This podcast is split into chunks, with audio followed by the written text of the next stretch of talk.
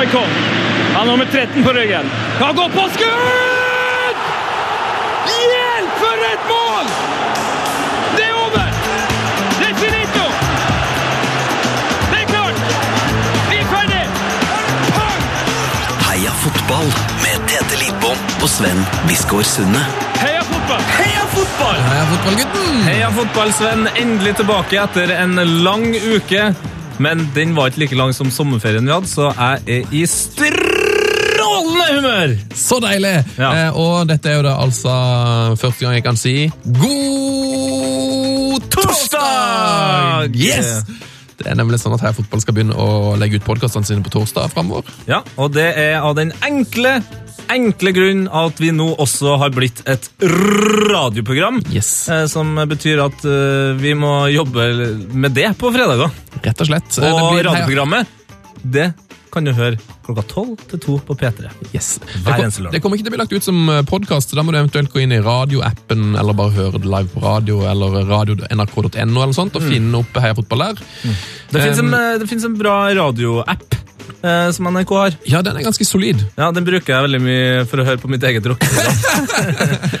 Du hører på Tete der. ja, det, men det, altså det skal jeg si til meg sjøl. Det radioprogrammet fungerer ve veldig bra til å, å liksom trene eller sitte på bussen. eller noe. Ja, og, det, og det er jo noen av det, altså, Jeg husker liksom i podkastens Spedbegynnelse i Norge så var det mange som likte å høre Radioresepsjonen for eksempel, med musikk. Ja. For det er deilig med det bruddet mellom all snakkinga. Ja. Og den radioappen det er jo på en måte en podkast-app Med musikk. med musikk. Ja, og jeg mener det når jeg sier det. Den er bra. Altså, det er utrolig nok, så har NRK klart å lage en bra app. Ja, men jeg kødder ikke. Altså, hva er sjansen for det? Hvis NRK skal lage en app, da, da har jeg ikke trua på at den er bra. Men den er faktisk sykt bra. Den har et lite problem med at noen sendinger begynner etter sånn tre minutter. Du klarer ikke å komme inn på starten. Aldri hadde det problemet. Da er det noe problem med dem som lager de sendingene. Ja. Aldri hadde problem. Det har mest problemer med progr- programmet til Jørgen Hegstad, Y2K. Som er for øvrig et veldig fint musikkprogram. som jeg hører mye på. Men det begynner alltid etter tre Kommer ofte inn etter Det er nok Jørgen skyld. Det er jo Jørgen Hegstad er han eh, som eh, på en måte er mannen bak Hegstad-omganger.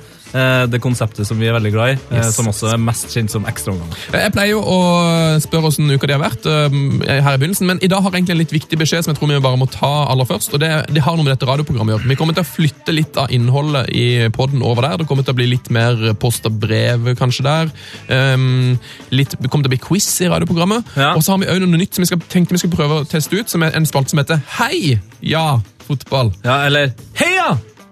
Fotball. Ja, eh, Og det er en innringerspalte. Mm. Eller eh, vet du hva, hvordan jeg helst vil uttale den? Hei! Ja ja. Ja, fordi det er jo på en måte Det er det som skal skje i den innringerspalten. Ja. At du skal stille oss spørsmål. Rett og slett, eh, ring oss inn, ring inn til oss, legg igjen eh, noe på svareren, så kan det være vi kan diskutere det i radioprogrammet. Nummeret inn der er 03512. 03512, veldig enkelt. Og så kan du ringe inn og så kan du si for eksempel sånn Hei, Rune her. Uh, Musa Dembele eller uh, Ahmed Musa? Så må vi diskutere det! Ja, Det er kjempefint. Uh, hvordan går det når Cook møter Musa, for eksempel? Ja, Steve, ja. Steve Så må vi diskutere det. Ja, ja men det, det er kjempebra. Det går jo selvfølgelig an å spørre helt enkle ting som hvis det er dagen før El Clásico, eh, så kan du spørre mm. eh, hvem vinner? Så enkelt kan Så spørsmålet enkelt kan det være. Hvem vinner Brann Rosenborg på lørdag? Eller så er det sånn, husk på det, telefonsvarer. Det er kanskje noen av dere som er for ung til å huske på at det, telefonsvarer var på en måte eh, oldtidens mobil. Eh, og det folk gjør nå, eh, når de er på fest eller er ute og raker på lørdagskvelder, Ja, det er jo ja. å, å fylletekste. Ikke sant? Ja. Men før i tida så brukte folk å legge igjen fylleting på telefonsvareren. Så hvis du f.eks. går hjem fra byen på en eh, lørdagskveld eller søndagsmorgen da, og, og, Ikke ring oss! Jo, jo, jo, men, og, og har liksom Nei, nei, og nei, grub, og grubler over noe, Ja. og, og så vil du ha svar på det?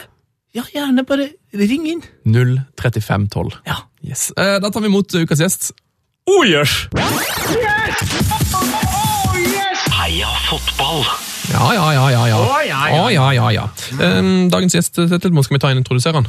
Ja, eller du kan jo gjøre det da. Det kan jeg gjøre. Men dagens gjest han er noe så sjelden som en legende i to, ja kanskje tre norske fotballklubber. Det er ikke verst. Nei, det er ikke. Han har levert bunnsolid for eh, Kongsvinger, Stabæk og ikke minst Rosenborg. Eh, Det er vel bare, så vidt jeg har forstått, Roar Strand, Daniel Berg Hestad, Morten Berre og Espen Hoff som har flere kamper i Tippeligaen enn han. Eh, Han er seriemester åtte ganger, tror jeg. Cupmester to ganger, kanskje. Champions League 40 kamper. 40 kamper for landslaget. Åh, herlig fred. Han Han spilte mot Ryan Giggs, Antonio Conte, Roberto Baggio, Thierry Henry, men er likevel mest kjent for å ha vunnet 71 grad nord kjendisversjon. Ole Christer Basma er selvsagt hans navn. Velkommen til oss. Takk for det. takk for det. Eller, eh, Foretrekker du Christer eller Ole? Er det Ole eller Nei, det er begge? Christer. Det er Det er min Christer. mormor som har dytta inn Ole. Og det er ja. Ole Christer, Fordi hun syntes det hørtes så svensk ut med Christer. bare. Oh, ja, det, det, for, for norsk, og slett. Rett og slett. Det er i hvert fall forklaringen jeg har blitt uh, hørt av min mormor, som da er vel nå 97 år. Fortsatt Altså, still going ja. strong. Ja. Hei, mormor. Hei, mormor. Så det er hun som har fått inn. Har det vært noen perioder i livet hvor du har blitt kalt Ole? Så Tete har jo heter, Hva heter du fram til du var ti? Jeg het ikke Tete, men eh, Andreas Dela. Og så ble det bytta til Tete Andreas. Ryddig. Nei, Det er jo bare én som bruker alle sånne obskure Eller som har med navnet, ekstranavn og sånn. Det er Mini. Har jo en, eh, Ja, Han har en greie på det. Han har en greie på det. Han, så- han Roger. Ja. Hos meg så er det bare Ole. ja det er bare Ole. Det er bare Ole. Så deilig. Du, em, vi har, Jeg prøvde å telle opp hvor mange kamper som du har der, men jeg har tatt det fra Wikipedia. så Er det, sånn, er- det 40 Champions League-kamper? Stemmer det? Er det 40 landskamper? 350 tippeligakamper? Ja, det er alltid vanskelig hvordan du teller det der. Som du hører så har jeg jobba veldig hardt med å få runde tall. Ja. Så det er 40-40 det jeg jobba. Ja. Så da ringte jeg Åge og sa at nå er det stopp. Ja, ikke sant? Ja, Ja, For du 40. jobba med Ja, da hadde jeg når du 40. spilte, ikke med dem som har skrevet Wikipedia. Nei, nei, nei. Må jo ta tak i det jeg får gjort virkelig noe med. Så kan jeg ta dem etterpå. Okay. Ringer til de, vi ringer til de, Gidder å endre fra 42 til 40. Jeg blir så, blir så. Men, men, men eh, eh, teller det og sånt? Spillerne, liksom? Nei, man gjør egentlig ikke det. Så det er jo mer sånn interessant når du begynner å Så nå reflekterer jo karrieren som jeg har gjort de siste åra. Så det er mer da du kikker på litt sånne, sånne tall. At det, det var jo ikke så verst. Det har vært noen kamper. Hvor mange kamper ble det i Kongsvinger? Og du, jeg tror du har noen kamper for Bærum òg? Ja, jeg hadde spilt i Bærum, men det var jo ikke i, i Tippeligaen. Så eh, jeg var jo der i tre år. Og spilte i eh, andredivisjon. Hadde meget bra trenere. Mm. Starta med Vidar Davidsen. Når jeg kom dit. eh, Ja, det var fytti rakkeren når vi løp det første året der. Han er kjent for det, at det var mye løping. Eh, Så det, det var knalle. 16 år og eh, Jan Erik Aalbu spilte tidligere i Vålerenga og var jo litt sånn. Altså han Ja, spilte han med midtforsvaret der. Ja. Spilte du med han? Ja, spilte med han, så han spilte på det laget. Det første året da kom jeg opp som ypling, og da sier du ikke nei når du blir bedt om å løpe heller. Så, så det var mye løping det året der, og mye vintertreninga der. Oi, oi, oi. Hva slags spillertype var han? Var Røff? Aalbu, ja, det var røft. Det gikk mye på kraft. Så jeg veit ikke om jeg har kopiert så mye av stilen der. Så, eh, men det var veldig læringsrikt, og jeg fikk lagt ned mye som jeg tror er viktig de åra der. Jeg trente mye. Ja. Men Nei, eh, fra- det du la ned der, var det kanskje det som la basen for at du vant eh, Kjendis eh, 71 grader nord? tror du? Ja, skal ikke se bort ifra det. Og det er noe av den basen her jeg tror som er utfordrende litt som en del av de mangler kanskje på de som er i Tippeligaen nå, yngre spillere òg. Ja. At vi holdt og la en veldig solid base med, med mye trening i den perioden her, hvor veldig mange spiller kamper allerede i Tippeligaen. Mm. Så jeg fikk eh, trent mye i den perioden der, og var litt sånn ut og inn av A-laget, i hvert fall det første året med Vidar Davidsen. Så kom Tom Nordli faktisk, som assistent til Lars Kjernås i Bærum. Du Året etterpå, i, da er vi, hvor er vi? Vi er jo eh, 90, Ja, noe sånt, ja. ja. Du kunne ha lagt opp allerede da. Ja, jeg, ikke vært stolt over det du holdt på med. Så rykka vi opp med Bærum, så da fikk jeg spille ett år i første år. Wow. Ja, så det var i 90... Ja, vent da, nå må jeg huske med årstallet. Det er 92, tror jeg. Ja. Og så eh, var det faktisk Lars Kjernås som da helt eh, sa at, og det husker jeg, det har jeg faktisk skrevet ned på noe ark her også, at det bør ta nye utfordringer, bør spille i Tippeligaen i sesongen 93. Det er en grei beskjed å få. Det er god, og det sier litt om den, de dyktige trenere jeg har hatt Da, som er Lars Kjernås og dyktig spillerutvikler, istedenfor å beholde det. Da hadde jeg gjort et veldig godt år i Bærum òg, som uh, var veldig på at nei, du burde ta steget videre. Han ville selvfølgelig gjerne at jeg skulle vært i Bærum, men var veldig på det. Så da reiste jeg til Kongsvinger og spilte der med Per Broland som, eh, som trener. Jeg er også en veldig god spillerutvikler. Deilig. Ja, så det har vært mye artig. Herlig fred. Um, fått et spørsmål fra en ung lytter som heter Kristoffer Haaland eh, på Instagram. Eh, Han eh, spør hvor mye trente Christer da han var yngre? 8 til 14 år? 8 til 14 Eh, nei, det, det gikk jo hele veien, egentlig. Jeg husker jo, man hadde jo, jeg vet ikke om dere har vært gjennom det, men du hadde jo fotballsko på Ja. vei til skolen. Ja, det hadde jeg ikke. Du hadde ikke det, Sven? det hadde jeg. Hadde du? Ja, det kjenner jeg igjen. Ja, ja, ja. Så jeg var jo den typen der, og hvert eneste friminutt. Jeg husker jeg hadde, var vel innom og hadde en kjæreste i to uker, men jeg sleit litt i friminuttene. For de sto jo og prata. Ja, ja, det skulle man, da skulle ja. man jo være der. Ja, Ja. men det hadde jeg jo ikke tid for da var det jo matcher nede på banen. Så det var en tøff tid det der, så jeg fant ut at kjærester det får vente litt. For det tok jo fokuset bort fra fotballen. Men, men øh, altså, når du var liten, var det en sånn som var den beste når du var liten, eller kom det liksom sakte, men sikkert at du skilte deg ut? Nei, jeg tror jeg har et tidlig talent for det, så jeg fikk lov å være med de store gutta, husker jeg, på Engajordet. Det var der vi spilte. På enga På? Engajordet, ja. Så jeg fikk lov å henge med de store gutta litt da, i en ganske tidlig alder, ja, sju-åtte år, tenker jeg, og jeg ble kalt Fimpen. Det var en- Fimpen! Fimpen, ja. Hvis dere googler litt, så er det vel noe film i Sverige som gikk på Ja, ja, ja. Som har kallenavnet Fimpen der. Det er han som er sånn åtte år og blir Ja. fotballproff. Ja. Den har jeg aldri sett, men det, men det er mange av våre lyttere som driver på å nevne at det er liksom en, sånn, en av de store klassikerne på, på fotballfilmområdet. Så blant de, store, blant de eldre gutta så var det Fimpen. Fikk lov, han fikk lov å være med, men jeg tror ikke jeg utgjorde den store forskjellen. her, For jeg husker jeg ble utgjort til kaptein en gang, da gikk jeg bare rundt og spytta. Det, det hadde jeg sett på tippekampene. Da gikk jeg, ja, ja, jeg gikk og spytta. Så jeg gikk litt med kapteinsbindet rundt på Engajordet og spytta litt. Hvor er Engajordet? Engajordet i Røyken. Da- Kjente steder Røyken. øyken, Ros, eh, som er min da hjemklubb. Ja, ja, ja, ja. Det er en som har spurt, eh, nå har jeg ikke navnet sitt der, men eh, en som har spurt når du skal gjøre comeback for Ros. Ja, ikke sant? Nei, Det er en stund siden jeg har vært hjemme, men mor og far bor jo hjemsted, jeg bor fortsatt eh, på hjemstedet mitt, så det er lite jeg har vært der. Må, Ros må legge penger på bordet for å Ja, nei, nå er jo ikke det vi diskuterte det her tidligere, Sven, så det er ikke de store summene i det jeg holder på med for tida, men det er jo ikke det vi jobber etter. Nå Nei, er det helt andre verdier. Det var en spiller på Hamar som ble signa for 96 pils. Kanskje man kan få Ikke, ikke sant? Så er det alkoholen er ikke min sterke side heller, så det, ja, du må lukke lokke meg med andre ting. Ja, det blir vrient der. Ja, det blir vrient. Kanskje noen stereobilletter. Jeg hører at du skal på det er jo musikkfestival i Trondheim i helga. Det er det, vet du, så stereo skal gås på i helga. Ja, du skal det, ja? Helt klart. Eh, bruker du å dra liksom hvert år? Det Ja, det har blitt en sånn greie blant en herlig gjeng som, vi er, som jeg tilbringer mye tid sammen med. Så eh, det er en sånn trivselsgreie hver gang. Jeg kom meg i dag, jeg har ambisjoner om å komme meg tettere inn til scenen. Da. Ja, ok. Ja, For jeg har en tendens til å stoppe på veien. Det blir mye Forsvinn- prat. Ja, det blir mye prating, ja. Men så Veldig er det- sosialt. Er det, noe du, er det noe på stereoer som du liksom gleder deg til å se? Eller er det mer der for bare stemninga? Jeg driver og jobber opp de spillelistene, så jeg er jo sånn som må lytte meg opp på en del ting.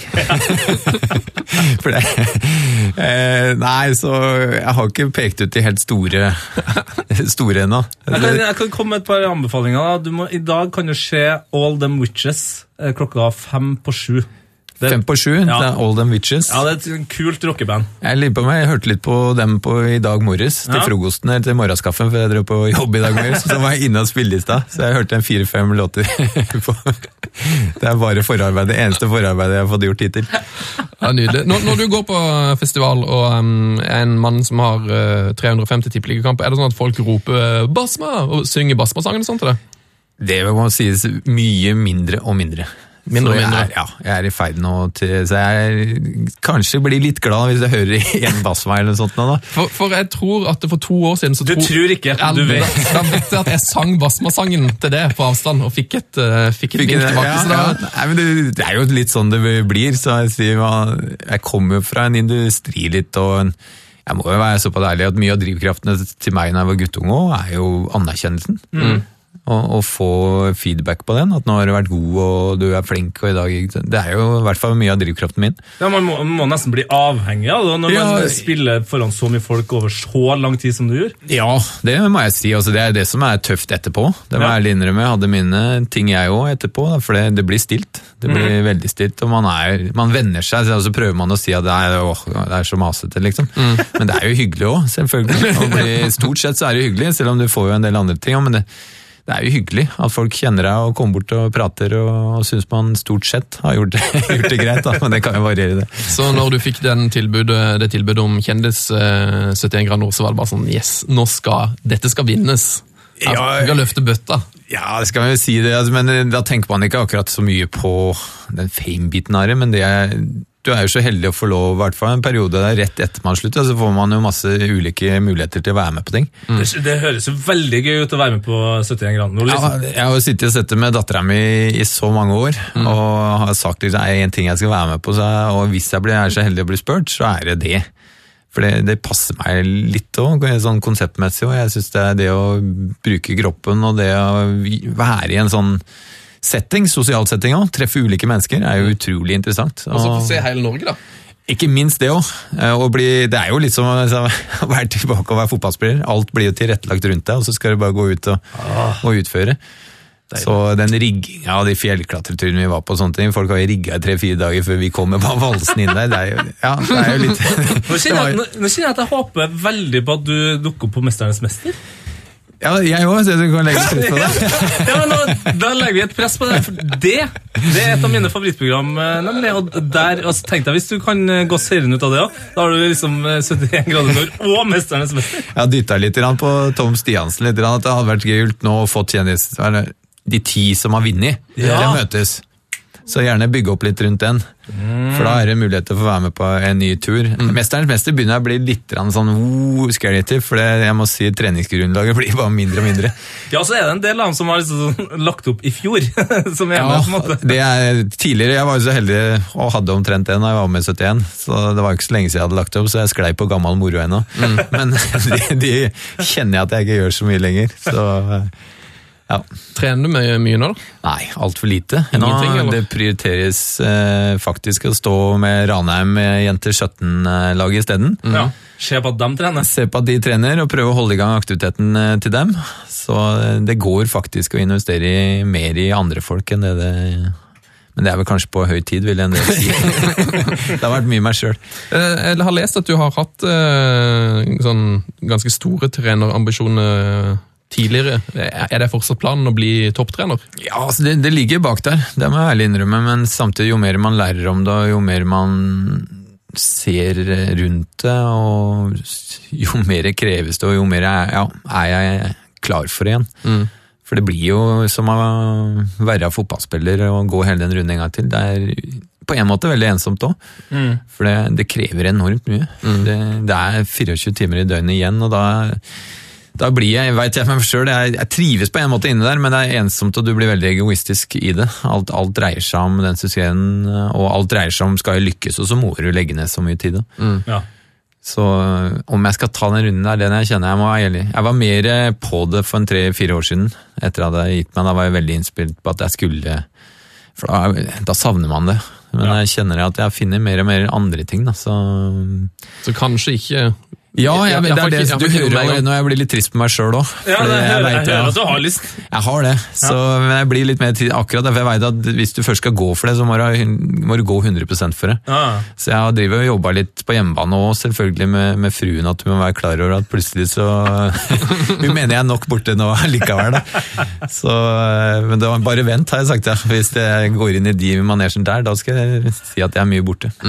Eh, Nå jobber du med trenerutvikling. Jobber med trenerutvikler. Er trenerutvikler i Trøndelag fotballkrets. Veldig interessant, veldig spennende arbeid. Hva, hva, hva betyr det? Er det at du holder trenerkurs og øh, følger opp trenere? slett? Jeg kommer akkurat, jeg hadde i forrige uke Uefa B-lisens, var kursveileder der. Holdt på hele uka. Intensivt, fra morgen til kveld, med 24 deltakere. Veldig moro, og veldig utfordrende òg, på en måte. Det fins jo ikke noen fasiter i fotball, så det blir alltid sparra på en del eh, andre trenere som kommer. Og, men bare det å stå sammen, det å holde økter, det å stå og diskutere økter etterpå, utrolig læringsrikt. Og det er det det dreier seg mye om i denne kurssammenhengen rundt UFAB. Hvem er det som tar UFAB-lisens nå? Er det, noen, øh, er det noen spillere eller noen kjente navn som, som, som vi vet om? å Eh, si? jeg hadde ikke med liksom som man tenker på tidligere spillere, så var det vel eh, Ole Talberg, som tidligere har spilt i Tromsdalen og Tromsø litt, som var, hadde en spillekarriere. Eh, ellers så kommer det noen spennende utlendinger. Vi blir jo in, eller invadert litt nå fra utlandet nå. Veldig dyktige portugisere, spanjoler som kommer nå oppover, eh, Yes. som er godt skolerte. Oh. som eh, både akademisk eh, har gått eh, ja, skolering gjennom universitetene sine og har, har mye kommet. Så det er en spennende tid for trenerutvikling og spillerutvikling i Norge. Vi er, vi er ganske ferske vet du, på dette her. Ja, vi har fått mye Jeg har fått mye kritikk for det. Jeg har fått, jeg har fått en del kritikk for det, kontra Island og Ja, altså det er lett å dra opp eh, disse diskusjonene her. Selvfølgelig rundt Island, som når vi snakker da, er jo ikke i nærheten av oss når det gjelder geografisk utstrekning, og det er det som er utfordringa vår òg, selvfølgelig. Eh, og få dekt opp alt det trenerbehovet eh, som er rundt, med nok kompetanse. da. Eh, og ikke minst å få nok penger til dette. De har jo statlig dekning på, fra staten på både halveier og delvis også på de som de bruker av trenere. Ja. Ja, kan, kan du fortelle litt om det systemet der? For det, Der er det noe slags, eh, nesten som et sånt eh, klippekort, hvor alle har krav på å kunne Ja, så de er jo fag, de er skolerte og fagutdanna, på en måte, de som tar seg av de yngre, yngste også.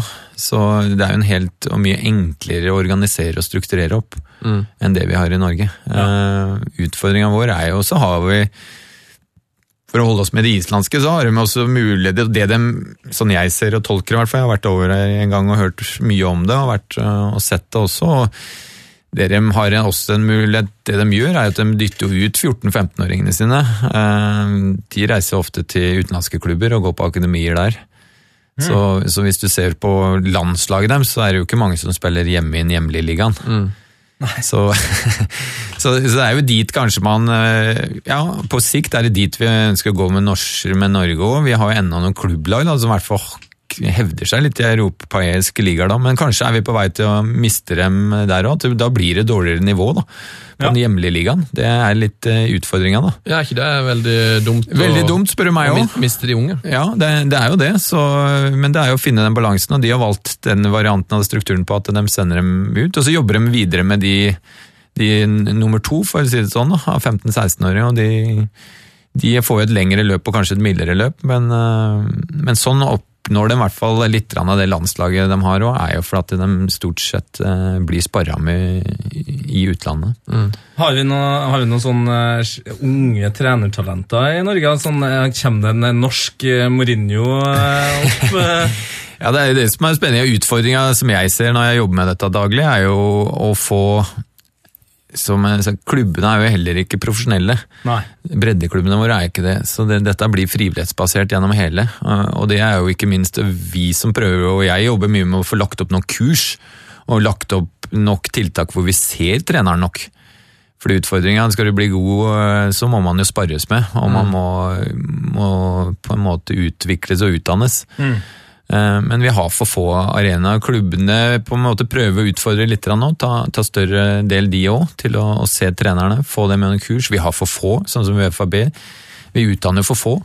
Eh, merker jo på de tolv eh, som jeg hadde, vi delte jo mellom to veiledere her. og klart Utfordringa til de er jo beklageligvis at de ikke har blitt sett nok. Mm. Nå er det første gang egentlig vi, vi jobber og vi De har jobba liksom hardt frivillig, helt Frivillig, alene. sant? Ute, ja, uten referanser og uten noe, noe holdepunkter, egentlig. Og da, det er utfordrende, altså. Å stå, da blir det ensomt, det. Du står på arenaen for deg sjøl. Og da blir det veldig din, din egen fasit og hvordan du er opplært sjøl. Det er det som du sitter igjen av, det er det du viderefører. Da. Så, så vi har en eh, stor jobb å gjøre der, med å prøve å involvere frivilligheta og få trenere til å bli med enda mer, da, men det er det som er utfordringen. Tre- presser som jeg kjenner på, å presse disse foreldretrenerne enda mer. da. Som jeg altså driver på litt gjennom Klubb EDO, som er mye av det tiltaket som vi har på sånn 13 Klubb. EDO? Ja. Det, det, det skjønte jeg ikke. Nei, det, på en måte er det spillerutviklingsmodellen, eller trenerutviklingsmodellen, som eh, vi jobber med i fotballkretsen nå. Hvor vi sier litt at ingen trener, ingen spiller. Eh, Hvis du ikke har med klubbtreneren din, hvis ikke han blir med på, på disse treningene og disse kampene, eh, så, så får de ikke med spillerne sine. Eh, Så det er mer på vei inn i landslagsskolen egentlig òg. Vi, vi driver jo, forbundet har gjort det i mange år, og vi skal jo fylle disse landslaget, 15-16-åringslandslaget våre, med spillere. Så det er ganske stor materie som gjøres, og det er mye jobb som gjøres nedover der for å, for å finne disse spillere og jobbe med disse. Ja, det er spennende. Jeg, jeg håper vi får opp eh, en hel haug med dyktige trenere etter hvert. Ja, det, og trenere er viktigere det er enn spillere, for å si det sånn. er For trenere kommer først. Ja. Jo dyktigere trener vi får, jo så naturlig blir spillere også dyktigere. Men ser du mye at det er mange spillere som eh, er gode, som rett og slett gir seg fordi at de har for dårlige trenere? da? Ja, eller i hvert fall, vi, får jo en utfordring med at vi mister spillere for at trenerne Ja, eh, jo bedre trenere, så tror jeg også vil få spillere til å holde på lenger. Og det gjelder ikke bare toppen, men eh, jo lenger de holder på, jo bedre blir de òg. En spiller blir aldri bedre når han slutter. Så, så det å holde på Men jeg mener de beste trenerne altså klarer å, å også holde på, på mengden. Eh, vi må snakke litt om, eh, om karrieren din òg. Vi, vi spilte deg inn som klubblegende, kanskje i Stabæk. Eh, definitivt i Rosenborg, og kanskje også litt i Kongsvinger. Eh, men det, når vi, vi skrev dette på Twitter i går, det var ikke Stabæk-fest. så veldig Ja, det regner jeg med. Eh, En som kaller seg for Råvik87 på Twitter, som skriver Stabæk-legende. Fyren står oppført i Stabæks Hall of Shame. Lenger unna leg legendestatus kommer du ikke. Ja, nei, det- hva, hva, har skjedd, hva har skjedd her? Nei, ja, hva har skjedd egentlig? Uh, jeg får vel leve. Det er litt sånn mors... Det er litt bakenga det er litt bak dette her, og tror jeg det er, fansen er ganske krass hvis du, ja, hvis du forlater, eh, forlater åstedet. Ja. Og det gjorde jeg vel i, i Stabæk i, i så måte, og det, det er mer også et spill internt òg, og så utad så, så skjønner jeg det. De skal få lov å reagere på. De vil jo gjerne at spillerne skal være der eh, hele tida. Så det skal de fortsatt få lov å mene. Og så må det jo stoppe en gang, da. Men jeg, jeg, det kom ikke overraskende at det kom fra Stabæk. Det, Men det at du tok, du tok uh, i disse øynene, du tok pengene og stakk til Rosenborg Nei, jeg kan jo ikke akkurat si det heller. Jeg, kunne, jeg har vært, føler jeg i hvert fall at jeg har etterlatt penger hele tida der jeg har vært. Eh, Og det har vært viktig for meg òg, og det er noe av verdisettet. Jeg har ikke gått på noe bossmann eller noen sånne ting, så det var jo det vi havna litt med Stabæk òg. Så var tidlig Rosenborg ute, og de hadde vært ute etter meg året før òg, men da ble ble det ikke noe av. Og så forsvant jo Heggem i 98 på, på sommeren der. Da måtte skje, ting skje litt fort for Rosenborg òg.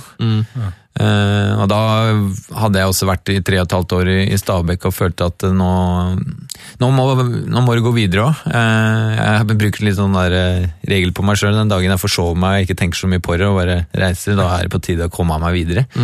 For da er jeg alt eh, for avslappa til å være der. Så det skjedde vel litt i Stabekk òg. Jeg følte at det var nå, var skritt, eh, nå må jeg ta skrittet videre. Jeg hadde også noen tilbud fra noen tyske klubber og en dansk klubb, men eh, følte at jeg også er litt sånn avhengig av trygghet hele veien, og lett etter det i min karriere. Å ta de rette stegene og ikke ta over for stort. da. Hvilke tyske og hvilken dansk Ja, ikke sant? Ja, ja, nei uh, Nå kan du si det. Nei, nei, jeg var veldig også, jeg hadde jo I den eh, perioden der så var Erik Soler som jobba for meg, så vi får heller høre litt på Jeg var veldig på at jeg holdt det litt rolig, men jeg husker at jeg fikk litt hetta, for den var og kikka på en kamp. Da dro jeg på meg rødt kort Oh, i den matchen her etter en 20 minutter eller noe sånt nå, med Stabæk. Så, det, så der røyk den Uh... ja, altså Det sier litt om hvor het og hvis mye blir satt på spillet, hvis man tenker for mye. Visste du da at de var så Ja, jeg visste at de var, det var det som satte litt griller i huet på meg òg, tror jeg. Og det, det sier litt det presset som ligger på spillerne når, når folk kommer og kikker, og hvorfor vi kanskje sier til de kjedsommelige at nei, vi prøver ikke å ha fokus på Ja. hvem som er her og alt mulig sånt. Ja, ja, ja. Fordi det selv på, ja, i hvert fall på meg, så hadde det inn, da innvirkning. Så tror jeg man mentalt ble sterkere etter hvert, som jeg også fikk eh, nye opplevelser og kom meg videre. Og det var det jeg følte for i Stabæk òg, at jeg måtte komme meg videre nå. Men, men hvordan er det som en ung fotballspiller å, å dra, spesielt da når Rosenborg var så stor, og kom liksom til Norges største fotballklubb? Var det, var det litt, sånn wow-opplevelse, eller følte du at det bare det skled rett inn? Nei, det er en wow-opplevelse alt, liksom. Nå var dere gjennom hele litt sånn Jeg har tatt steg, og jeg tror det er veldig sunt. Det tror jeg for de aller fleste. Jeg tror det er veldig få som eh, kan bare hoppe fra ett steg, og så er du rett ut i Europa, liksom. Eh, så jeg har jo tatt de stega hele veien, fra Ros til Bærum, fra Bærum til eh, da et hakk opp, ettersom vi rykka opp, så til Kongsvinger. Som var da en spennende klubb, men samtidig litt på landet og, og mer lokalt forankra. forankra. Så inn til sentrum igjen, og Stabæk hvor det var litt mer som skjedde rundt, og, sånne ting med Ingebrigt i, i spissen, og litt mer sånn profesjonalisme og mer støy rundt, rundt det å være fotballspiller. Eh, Så, så jeg føler at skal jeg komme meg videre, så måtte jeg ta hakk, eh, et hakk til opp, og da kjente jeg enda på at ute i Europa da, med noen tyskklubber, det, det var litt mer usikkert. Så da ble det Rosenborg som jeg følte var steget videre. Og, men for all del, jeg lå på rett borti på Moholt på Scandic, gamle Scandic-hotellet her, og det første halve året var tøft. Og det, det ser vi jo mye av Du lå på uh, Scandic-hotellet på Mål, Ja. så det er da 14 meter uh, unna der jeg bodde. Det var Ikke sant? Nabo på den tida. Det var jo naboer, kanskje? Ja, vi var det, altså. Så, nei, det var eh, så da, da kom det hjem og, og lurte litt på etter litt hudfletting på treningen der. Og, og du så hvor kjapt de, hvor fort det gikk fra å være i en veldig komfortabel rolle i, i Stabæk, som jeg etter hvert fikk en veldig stor, god på, litt som du sier, legende kan du diskutere med de i Stabæk, men jeg vet når Ingebrigt kjørte noe han freda vel drakta mi etter jeg dro, men den måtte jeg gi tilbake igjen. Jeg skulle inn i Hall of Shame. da. Ja, det, det var jeg etter. Så det, det er jo litt eh, han i et nøtteskall òg, så jeg hører han har uttalt seg i en bok òg om eh, ja, grunnen til jeg forlot derfra òg. Så det er mye markedsføringsstøff der som jeg føler han er flink til òg. Um, du sa at det var, um, at det var litt sånn uh, kjeft å få på de første Rosenborg-treningene. Det, altså, det er et klipp som er et sånt favorittklipp for alle oss i P3, egentlig, som, som ligger lagra på et sånt, uh, på sånn gullplass inne i redigeringssystemet vårt. Et klipp som vi ofte hører på. Du kan, kan høre på det, så kan du fortelle meg litt hva som skjedde her. Hva er det der for noe, Basma? Det, det klippet her hører jeg Hva på er det der? kanskje en gang i måneden. Ja, men det, Hva er det der for noe, Basma? og du hører på ekko der, du hører hvor vi er igjen. Der er inne på Jeg. Er inne på stadion, da, var- da blir det et sånt ekko. Ja. Det høres ut det er nesten som du har dratt opp et sverd, eller altså, at du har med noe feil, men hva har du gjort? Ja, men det er vel, Jeg tror det er filma en annen, men da var ikke jeg som var i rollen. Da Da tror jeg det var eh, Christer George, ja. Ja. Som, ja, som er filma. Det er den episoden med når du klager på juniorene Ja, på ja. sk- skiftemålet. På Ja. skiftemålet, ja. Så da kommer han jo løpende. Det er akkurat den samme settingen der. Da kommer han løpende ned. For da han, han, sto, han stelte seg ofte litt høyt. Det var ofte dagen før kamp og sånn, så vi hadde litt formasjonstrening og ja, gikk gjennom litt spillmønster og litt sånne ting. Så da sto han litt høyt, og så kom han alltid løpende ned. Da. Med, med siggen. Ja, løpende ned i tribunen der. Så det er jo et herlig engasjement. Har Eh, noen, har du noen gang datt ned? Nei, han har ikke det, men jeg tror det har vært nære et par ganger. Men Så, eh, hva er det han var, hva er det han var så forbanna på? Nei, det er jo at du ikke blir med etter, og det er eh, posisjoneringer i hva jobben du gjør etterpå. At du bommer på noen pasninger eller et eller annet. For det, det er jo litt ofte den der, det er sånn, det vi kaller på fotballspillet en shadow-trening. så det, det er vanskelig å opprettholde litt den samme trøkket som du har i match når du spiller mot noen som gjør litt sånn halvveis innsats. Ja. Så det er vel at jeg klarer å bomme på en sånn en pasning, da. og da, da smeller det. Ja, så deilig. Ja, det er herlig. Du, eh, Vi skal snakke litt om eh, 20. oktober 1993. Hus, husker du den? Nei, nå er jeg 19, 20 Det her, men altså, for, for de yngste lytterne så er det her, tror jeg kommer til å være en sånn Nei, er det her sant? Du, altså, når jeg, leste, når jeg fant ut dette her i går, eh, fikk tips fra noen lyttere om at vi var nødt til å snakke om dette, så altså, må jeg si jeg hadde nesten glemt det sjøl. 20. Ja. 20. oktober 1993, Kongsvinger Juventus. 1-1. Ja. Geir Frigård skårer fra død vinkel. Juventus stilte med Conte, eh, Roberto Baggio, eh, Dino Baggio, Peruzzi. Peruzzi, Andy Møller, Jørgen Kaaler. Ja, herlig. Og dere stilte med en fantastisk eh, duo med Levernes og Risnes. Frigård, Ståle Bokalrud og Christer Basma. Ja. Vidar Sanderud. Vidar Sandberg! Ja. For en herlig læring jeg har gått. Det var første året mitt i Tippeligaen, så var jeg så heldig å få spille Jeg satt på benken første seriekamp, husker jeg. Ja. Mot Start borte, og så uh, ulykksalig, kan vi si, i liksom Gåstein, så gikk vi på et tap. Så jeg fikk lov å starte uh, neste seriekamp mot Viking hjemme. Da husker jeg redder på streken, uh, og fikk gode overskrifter da, siden der spilte jeg Der Det var inngangen. Og fikk et fantastisk år sammen med Vidar Sandrud, som da var i ferd med å legge inn, men var en legende.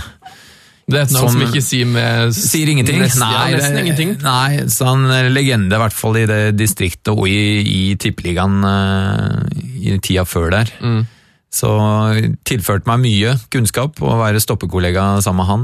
Og det å spille sammen som ringrev lærte jeg utrolig mye om. Jeg skjønner jo at han er stor, for jeg liker at vi, liksom er mest opptatt av at du har spilt mot Peruzzi, Baggio og Conte, mens du bare Sannerud! La oss snakke litt om han nå! Ikke, ikke Roberto Baggio. men Vi kan snakke litt om Juventus òg, men jeg tenker det, det der, eh, det Kongsvinger-laget der, det var noe spesielt med det òg. For det, altså, Ja. som du sier, det, Kongsvinger er jo en, en, en av de minste altså sånn, Av de store norske klubbene så er det kanskje den minste. Ja, altså Hvis du googler etter i den tida der, så kom de vel på andreplass i 92. Ja. Så det var det som var grunnlaget for uh, Europacupen året etter. Så, eh, og da hadde, var det Kjell Roar Kaasa som uh, lempa inn mål. Og uh, hvem andre var som uh, Ja, Caleb Francis og Det er iallfall de jeg forbinder Ja, med det var- Caleb Francis. Var Vidar Riseth innom der en periode? Vidar kom etter hvert. Han kom når jeg var der, ja. Så han kom vel i Og jeg, ja, vi spilte sammen ett år, i 2-4, tror jeg. Der var det jo kjeft å få på trening, tenker jeg. Ja, da kom han inn i Toyota MR-tonen sin, husker jeg. Det var åpninga hans når han kom fra Rosenborg, til Kongsvinger. Da, så det er sånne ting du husker. Men hvorfor, hvorfor ble det, hvordan klarte de å få til et sånn et fantastisk eh, lag på Kongsvinger? Nei, De hadde et veldig bra lag da jeg kom, det skal sies. Per Broland, og det var De navnene du nevner her, er, var store på en måte i norsk sammenheng. da. Eh, og hadde litt faktisk taket på Rosenborg i perioder på ja, Hjemslund. Så jeg kom til et meget et godt tippeligalag, som da hadde kommet på andreplass eh, året. og vi var, eh, Han henta Per Broland henta også Bjørn Arild Levernes fra Strømmen, som jeg hadde gått med, som også var en dyktig fremadstormende-spiller. Geir Bakke, som nå trener eh, eh, Ja, Sarpsborg. Heter. Som jeg også spilte sammen, som jeg også hadde spilt sammen med i, i Stabæk. Så det var mye spennende spillere som kom dit, og i et allerede etablert miljø med Dag Risnes eh, og, og gode spillere som var der. Så det var eh, Geir Frigård kom det år, samme året òg. Så eh, det var en fin start i, i Kongsvinger. Så vi var en herlig gjeng som ville noe med fotballen. Det vil jeg si var en flying start. Men um... Og da endte vi opp på denne Juventus-kampen etter vi Ja. hadde slått uh, Øster i, i første kvalik, eller første kampen der. Så, så trakk vi Juventus eh, etterpå. Den kampen men gikk jo dessverre ikke på Hjemslund. da.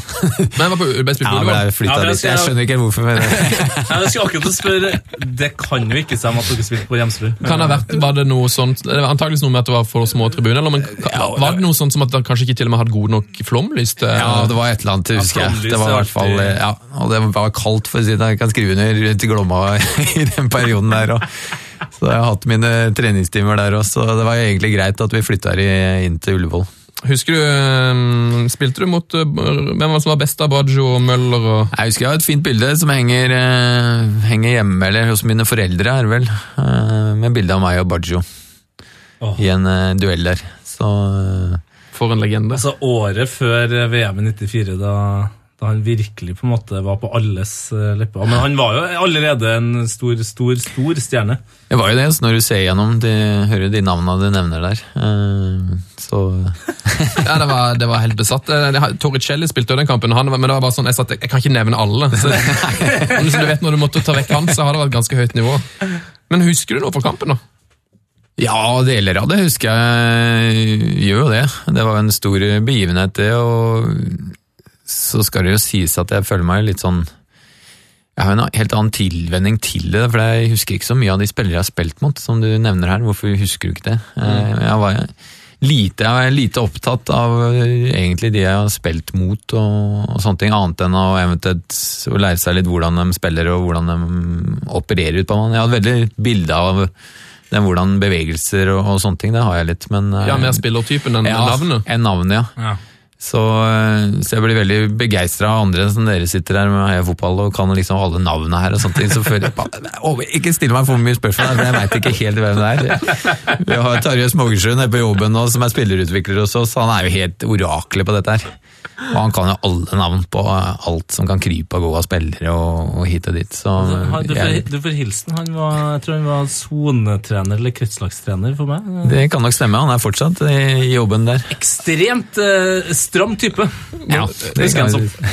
Er ekstremt lokalt der òg? Ja, ja. Terje Smågersrud. Legende. Må, vi må gå litt på kroppslukt òg. vi har lovt lytterne våre at vi skal spørre uh, åssen Thierry Henry lukta.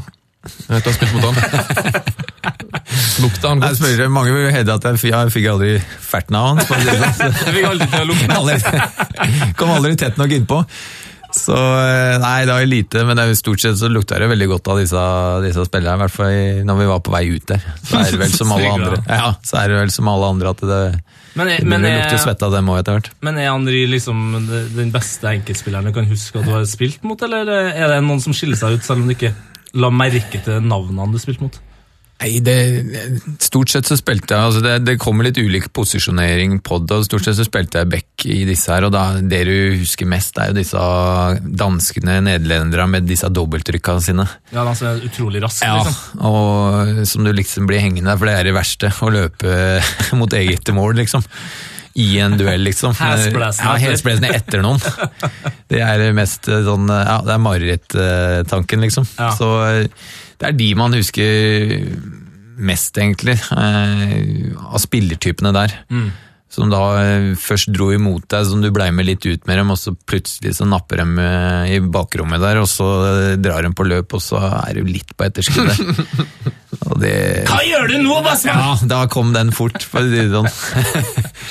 Eh, du, han, Antonio Conte var jo med i den Juventus-kampen. Ok, Eh, ja. Og han blitt nå trener for Italia og nå i Chelsea. Har, eh, følger du noe med på han? Er, er du, eh, altså, du er jo trenerutvikler. Har, har du noe syn på hans sitt trenervirke? Ja, altså jeg er jo veldig opptatt av det. Jeg Følger mye. Jeg har skifta liksom det til Jeg ser selvfølgelig mye på spillet ennå, men jeg også ser eh, gløtter over på, på trenersida òg. Og ser på en måte ulike tilnærminger. da. Eh, Han er jo veldig på den ene sida av skalaen her. Eh, Ja, ikke sant? Altså, men det tror jeg altså, han er tidlig spiller. og det, er noe, det er jo ingen tvil om at man kan overføre energi. Eh, Det vet vi alle. Så det er jo det han og så kan man jo også diskutere, som er en god debatt, også, som vi kanskje ikke skal ta her, det er jo hvor mye hjelper det? Ikke sant? Altså hvor mye hjelper, Ja, det har blitt snakket en del om, Ikke sant? Hvor mye hjelper Nils Arne sin eh, sin huing på sida der. Ja, jeg ser at jeg ikke At jeg ikke nådde den. Mm. Det, liksom, du trenger ikke fortelle meg det en gang til. Så, men det er noe med engasjement. Til slutt så låser du det bare ute òg. Du kan ikke gå og høre på det. Det er mekanismer du lærer deg til eh, etter hvert òg. Så du hadde på en måte ditt eget Nils Arne Eggen-filter? som- Ja, det og publikumfilter har du. Ja. Og litt rann som jeg sier, det var jo det som tok meg kanskje når jeg da hadde visste at jeg hadde disse agentene sittende på sida mot Stabæk, eh, og litt eh, ja, fortsatt fersk i, i sånn type pressa situasjoner. Så, eh, så har man mer fokus oppå der enn det man har, og så koker det litt, rett og slett. Mm. Så det er jo en læringsprosess, det der òg. Ja, det ser jeg for meg må være beintøft å få de der ekstra, ekstra forventningene eller det ekstra presset. på at hvis, altså I dag kan du storspille og havne i Bayer Leverkosen eller hvilken klubb nå enn var. Ja, det er, det er det du prøver å prate ned med deg sjøl. Klart det eneste du kan, som er litt mitt slagord, det er derfor jeg har lyst til å grave meg ned i den matta mange ganger, spesielt på Lerkendal òg, i de første åra der på Champions League, hvor du er på nivå hvor du, du veit at dette her er et steg opp, liksom. Mm. Så, så er det ikke akkurat man gleder seg til å gå på arbeidsdagen, liksom. Det, Man gruer seg litt? Ja, det selvfølgelig. Jeg er såpass ærlig å si det. Altså, det, det er mye tanker som gjør. Altså, så etter hvert så lærer du å mestre og, og trekke fram de positive sidene og se at du lykkes i de ulike situasjonene. Og så har jeg også sett at du lærer i hvert fall ikke noe hvis du ikke tar dem. Nei. Så, så det å legge inn skader eller det å prøve, ja, men det, da går du også glipp av den læringa det er. Så Det er tøft, tøft å lære foran 20 000 mennesker, da. Eh, ja, det, det er jo det. så Det er derfor jeg er også veldig glad for at jeg har tatt de stega underveis. For det har vært en ny læring for hver gang, og det har vært nye steg akkurat på den, den mentale biten av den utfordringa med at eh, det er mer og mer krise på en måte hvis det skulle gå dårlig. Det er flere og flere som legger merke til Du, blir, du får et tøffere trøkk mot deg til du ender opp her i Rosenborg. Også som det er et press, men Da har man plutselig lært seg og jeg har reflektert mye rundt det etter at jeg ga meg, jeg har sett nye trenere komme hit òg. Jeg var gjennom en periode med mange trenere som spiller òg, men jeg, jeg har, da tenker du ikke på det samme. De er jo gjennom det akkurat det samme, de òg. Klart å stå og ha første treninga si nede på Lerkendal, det, det, Ja. den er tøff den òg. Når det står liksom eh, Nils Arne, Ola By, Per Johansen, Sverre Brandhaug, Ben Skammelsrud, Roar Strand, alle står og kikker på deg. Bjørn Hansen, alle, de står på linja der og kikker på deg. Lurer på hvilken øvelse han tar først nå. Skal vi se, skal Ja, nå skal vi se. se. Og det, jeg tror Plutselig, det, det verste som skjer, er vel at det plutselig bare blir helt stilt uh, borti den legenderekka. Altså. De begynner å gå. Ja, ikke sant? Så begynner du ser en i- hoderistinga kommer eventuelt. Og det, så du skal ha litt grann, eh, ja, pondus òg for, for å takle den. Og den tror jeg også tar en del faktisk trenere som kommer hit. Akkurat som det tar en del spillere. Jeg tenker jo, jeg er jo Manchester United-fan, og de har jo en sånn situasjon nå med Alex Ferguson som, liks, som liksom er ute av klubben. Ja. Men tro, har du noe tro på at han er det, eller sånn? Nei, så Den vanker jo litt i kulissene, og så er det bare bruken av det som jeg syns Kåre har vært veldig flink til. Ja, Eh, og- Ja, for det har vel løsna litt i Rosenborg, egentlig. Det, det var jo en liten sånn, liten sånn ørkenvandring eh, nesten mellom Eggen og fram til Ingebrigtsen. Ja, Selv om det var folk som hadde suksess, så var det var mye snakk om at Eggen kanskje var Enten var han for lite brukt, eller så var han for mye brukt. Ja, liksom, det som er aldri riktig. Du får alle disse spørsmålene, i hvert fall når det ikke går bra. Og så løyer det alltid når det går bra. Ja. Og det gjorde hun Nils Arne òg, for all del. Vi satt og venta litt på det. Jeg husker jeg hadde noen med noen journalister litt, altså derfor de klarte Heldigvis så vant vi etter to-tre matcher igjen. Men hadde det fått løyve å pågå og begynne å få litt eh, vann på mølla, det der, så, så visste du at de lå på hugget. Men så klarte han alltid å snu igjen, og da, eh, da kunne han holde stille. Ja, da var han kjapp frempå igjen og begynte å lekse opp for dem igjen, da, ikke sant? Men eh, Andreas Strøn her har et spørsmål. eh, Åtte seriemesterskap under fire forskjellige hovedtrenere. Hvilket rangerer du høyest i ettertid? Å, et godt spørsmål, egentlig. Det det er jo det som er så kjedelig, at man, glemmer, eller man irriterer meg om man ikke har satt mer pris på det underveis. Ja. Ja, for du, du jakter liksom bare videre, og så blir det en greie. Men jeg, klart det var, det var spesielt i 2002, eller med siste året til Nils. ble Blei en sånn fin Det har sin sjarm, alle, alle tinga, egentlig. Mm. Uh, Men det du sier at det er, av de åtte, så er det noen som på en måte som man, som man litt sånn tok for gitt, eller? Ja, altså det, det blei jo litt sånn, en- ikke for gitt, men eh, jeg skal si det, du fikk jo ta del etter hvert i en enorm sånn kollektiv selvtillit. Som jeg husker når jeg kom dit i 98, og den høsten jeg, jeg brukte det på en del, eh, del foredrag, og jeg gikk sammen med Ben Skammelsrud over, vi skulle møte Klubb Brygge. Og vi hadde trent dagen før, og gikk eh, over eh, der nå hotellet ligger. Og diskuterte, og jeg liksom spurte litt sånn forsiktig, ja, litt sånn, ja, sånn går det går i morgen, liksom. Og litt sånn, ja, nei, vi bør vinne 2-0. Det var det, det, var det Ja, klare svaret sant? du fikk. Ja, det var klare, liksom, og det kom så med en gang, og det kom så bardust, eh, sånn sett, at eh, heldigvis ga jeg ikke noe motsvar, for såpass hadde jeg lært også, du sier de begynner ikke å diskutere det. Så det var bare, her er bare... det suger. vi vinne 2-0. Ja, her skal vi vinne 2-0.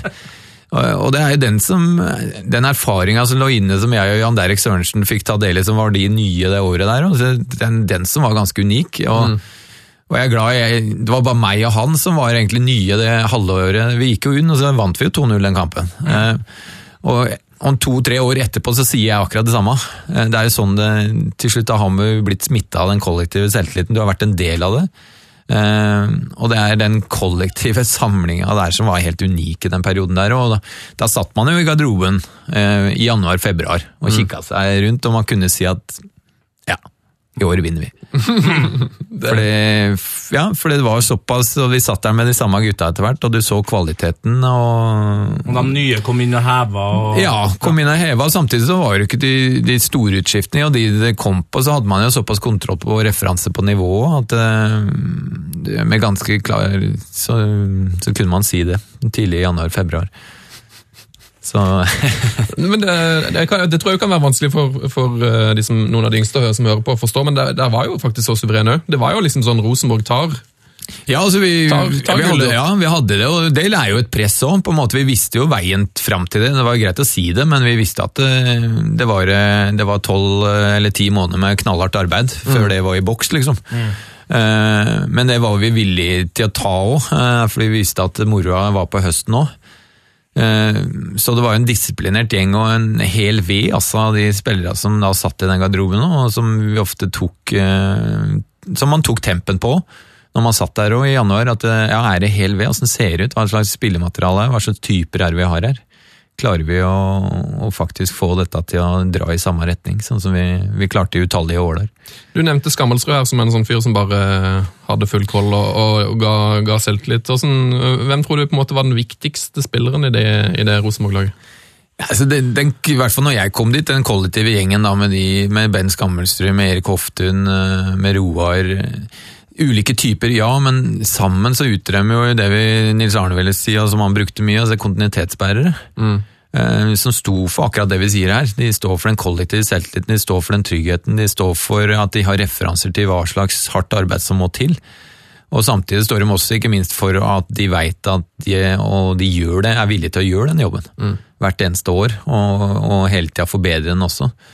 Så, så den, det er det jeg mener med den hele veden, og de henta sånne typer òg. Når jeg tenker tilbake og ser etterpå, så er det jo det er jo det som skiller seg ut med de folka òg, at det fasiken får noen fyrer. og det er jo stas å kunne i hvert fall vært med og spilt sammen med dem. Det er det som har vært eh, utrolig å få ta en del av dem, og i hvert fall forhåpentligvis snappa opp noe av de fantastiske egenskapene de hadde. Si for, kan for øvrig si gratulerer til Rosenborg som fikk uh, gitt Mike Jensen Var det femårskontrakt denne uka? Fem og et halvt, faktisk. tror jeg. Ja, og det er det som jeg også kan si, eh, jeg kan snakke meg grønn på dette her, og den Rosenborg-kulturen som jeg føler har blitt gjenoppstått litt med Kåre òg, er jo akkurat den vi snakker om her. og som jeg nå er vi tilbake, og jeg synes, jeg ble litt sint innimellom. Jeg snakket med Erik om det. Vi må ha trua på at vi kan komme ut i Europa igjen nå. Eh, og vi må ha trua på at vi kan klare å holde på spillere. Eh, og det syns jeg nå man er i ferd med å faktisk vise at ja, vi kan det. For det, Hvis du bygger opp et godt kollektiv, så får du faktisk sånn som Michael til å tenne på prosjektet. Ja. Tenne på å være der i mange år, som vi også gjorde. Eh, og det blei etter hvert en veldig sånn kultur opp, at det fasiken, her skal du levere varen i noen år før du forlater åstedet, liksom. Og det, det var mange, ikke sant, og, som da altså Roar Strand og Erik også, som sa nei til dette, nei, og jeg også sa nei. Jeg òg hadde mulighet til å reise ut i 2003 og, og var veldig innstilt på at nei, ja, det ligger litt i kulturen at her Skal vi gjøre ferdig her skal det vi gjøre ferdig det prosjektet, her skal vi være. Altså, det er så kult, det òg. Reise ut, ja, det er ikke bare bare. Ja, det er mye penger, men fasiken, det er, har vi ikke like kult her. Hva er, hva er verdien til slutt? Altså, Hva måler vi i det? Er det kun penger som gjelder? Er det andre ting som, som også teller? Når var du nærmest uh, å, å stikke utenlands, da? Nei, det er vel, eh, og det er vel kanskje Erik Soler som har vært litt på hva han mente at vi skulle reist ut i 2-3, som jeg hadde et tilbud liggende helt klart, så jeg sa nei til ganske mye penger, men jeg har alltid sagt at det vil jeg ikke høre en summe på heller. Så Hvilket, da var hvilket land var det? Det var Sunderland. Sunderland, ja. Ja. Trengte land heller. Ja, det var Så det var eh, åpna selvfølgelig, og det sier litt utfordringen med den bransjen der òg, for da hadde jeg hatt en veldig god kamp mot eh, Wales, vel, borte og spilt mot gigs. Og sånne ting, da biter alle merke til det. Hvis du klarer liksom å temme gigs i en match, så, så stiger man på CV-ratingen og, og sånne ting. Så, så da åpna det seg en del muligheter eh, etter det, og da var vi veldig nære. og jeg Gikk noen runder med meg sjøl òg, men eh, ja, jeg valgte å bli, og det er litt et verdiperspektiv òg. Jeg Ja, hadde dattera mi hjemme, og jeg visste at det, det hadde blitt en tøff, tøff tilværelse, og jeg er såpass ydmyk at jeg tror hvis jeg skal lykkes, og lykkes der borte, så måtte jeg ha reist over med, med fullt fokus på det. Ja. Og da, da Fint, var det da. bedre å bli. Jo, altså det kan du si. Fint. Men, men eh, sånn sett så kanskje det kunne ha gitt et lite knepp opp i, i karriera, på en måte, om man hadde kanskje pusha igjennom, men det kunne også vært eh, en nedtur litt sånn sett òg. Ser du litt sånn ofte egentlig med norske fotballspillere, føler jeg kanskje, i hvert fall i det siste, at, eh, at det kneppet er litt for høyt, og at man nesten kommer litt tømt tilbake igjen etter et halvår eller et år. Ja, ja så min eh, hvert fall anbefaling til veldig mange spillere også er jo til å ha litt is i magen der, eh, og ikke la den penge, pengegreiene veie for tungt. Da. Jeg, skjønner jo at det gjør det, men stort sett i det landet vi bor i, så har vi det, har vi det fint òg. Altså, hvor, hvor mye skal du ha òg? Eh, og vi ser nå at resultatene litt av det er litt ulikt òg, på de, de spillere også. At det er ikke det som gjør lykken heller. Jeg syns jo mest synd på Erik Soler her, da, som har uh, gått glipp av må han, Erik Soler må jo ha vært forferdelig å ha det som, som spiller. Han fikk jo aldri inn noe cash. Nei, ikke sant? Så han har gjort det greit etterpå, men han har vært en god bedriftsmann etterpå, vel, så jeg tror ikke det er så veldig synd på han der. Han hadde blod på tann. da. Det, det, Ja, antagelig, så han kunne jo ha fått litt på den overgangen, men han var veldig enig med meg i- i det perspektivet som jeg hadde, men det er klart han gikk glipp av noen penger han der også. Hvor god var Sunderland på den tida der? Det var jo Premier League, så det var en mulighet til å spille Blant de beste. blant de beste, det var det, men eh, litt tilbake til at jeg skal du reise over dit, som vi sier litt i ung, så må du være 100 innstilt. Og jeg, jeg visste, jeg hadde jo referanse på hva det vil si, etter mange år i, Europa òg. Ja. Så jeg også visste hva slags hverdag jeg gikk til. Og det er utfordringen kanskje, som du sier her nå, til noen av de yngste, og de veit ikke helt hva de går på. Så blir man, tror man at det er Vi ser jo bare her, så uttaler Jan Erik Landlé og en del som kommer hit, så er det Å, fy fasken, man bruker et halvt år på å tilpasse seg nivået i Rosenborg, bare. Ikke sant? Og da, Det samme skjer jo når det, disse reiser ut, og da er det kanskje ikke bare ett nivå, men det er to-tre nivåer. Så du får, jo, du får verden litt midt i trynet, eh, og det kan være tøff, eh, og kan gi deg en utfordring karrieremessig. Ja. Og da, den skal bygges opp og tenkes over, eh, over et litt lengre perspektiv enn bare putte penga i lomma. altså yes. Det, det er jo en eh, stor kamp eh, for Rosenborg i dag mot Åstra Wien, men det er én kamp jeg gleder meg enda mer til, som er i helga. Fordi, eh, apropos det å være sammensveisa, Brann eh, ser endelig liksom ut som et sånn sammensveisa lag. Det var Rosenborg-Brann, Brann-Rosenborg. Det var liksom de største kampene, husker jeg, som eh, unge. da. Og nå føler jeg litt, sånn, litt på det igjen. Jeg gleder meg skikkelig til Rosenborg-Brann. En sånn ordentlig eh, rivaloppgjør igjen.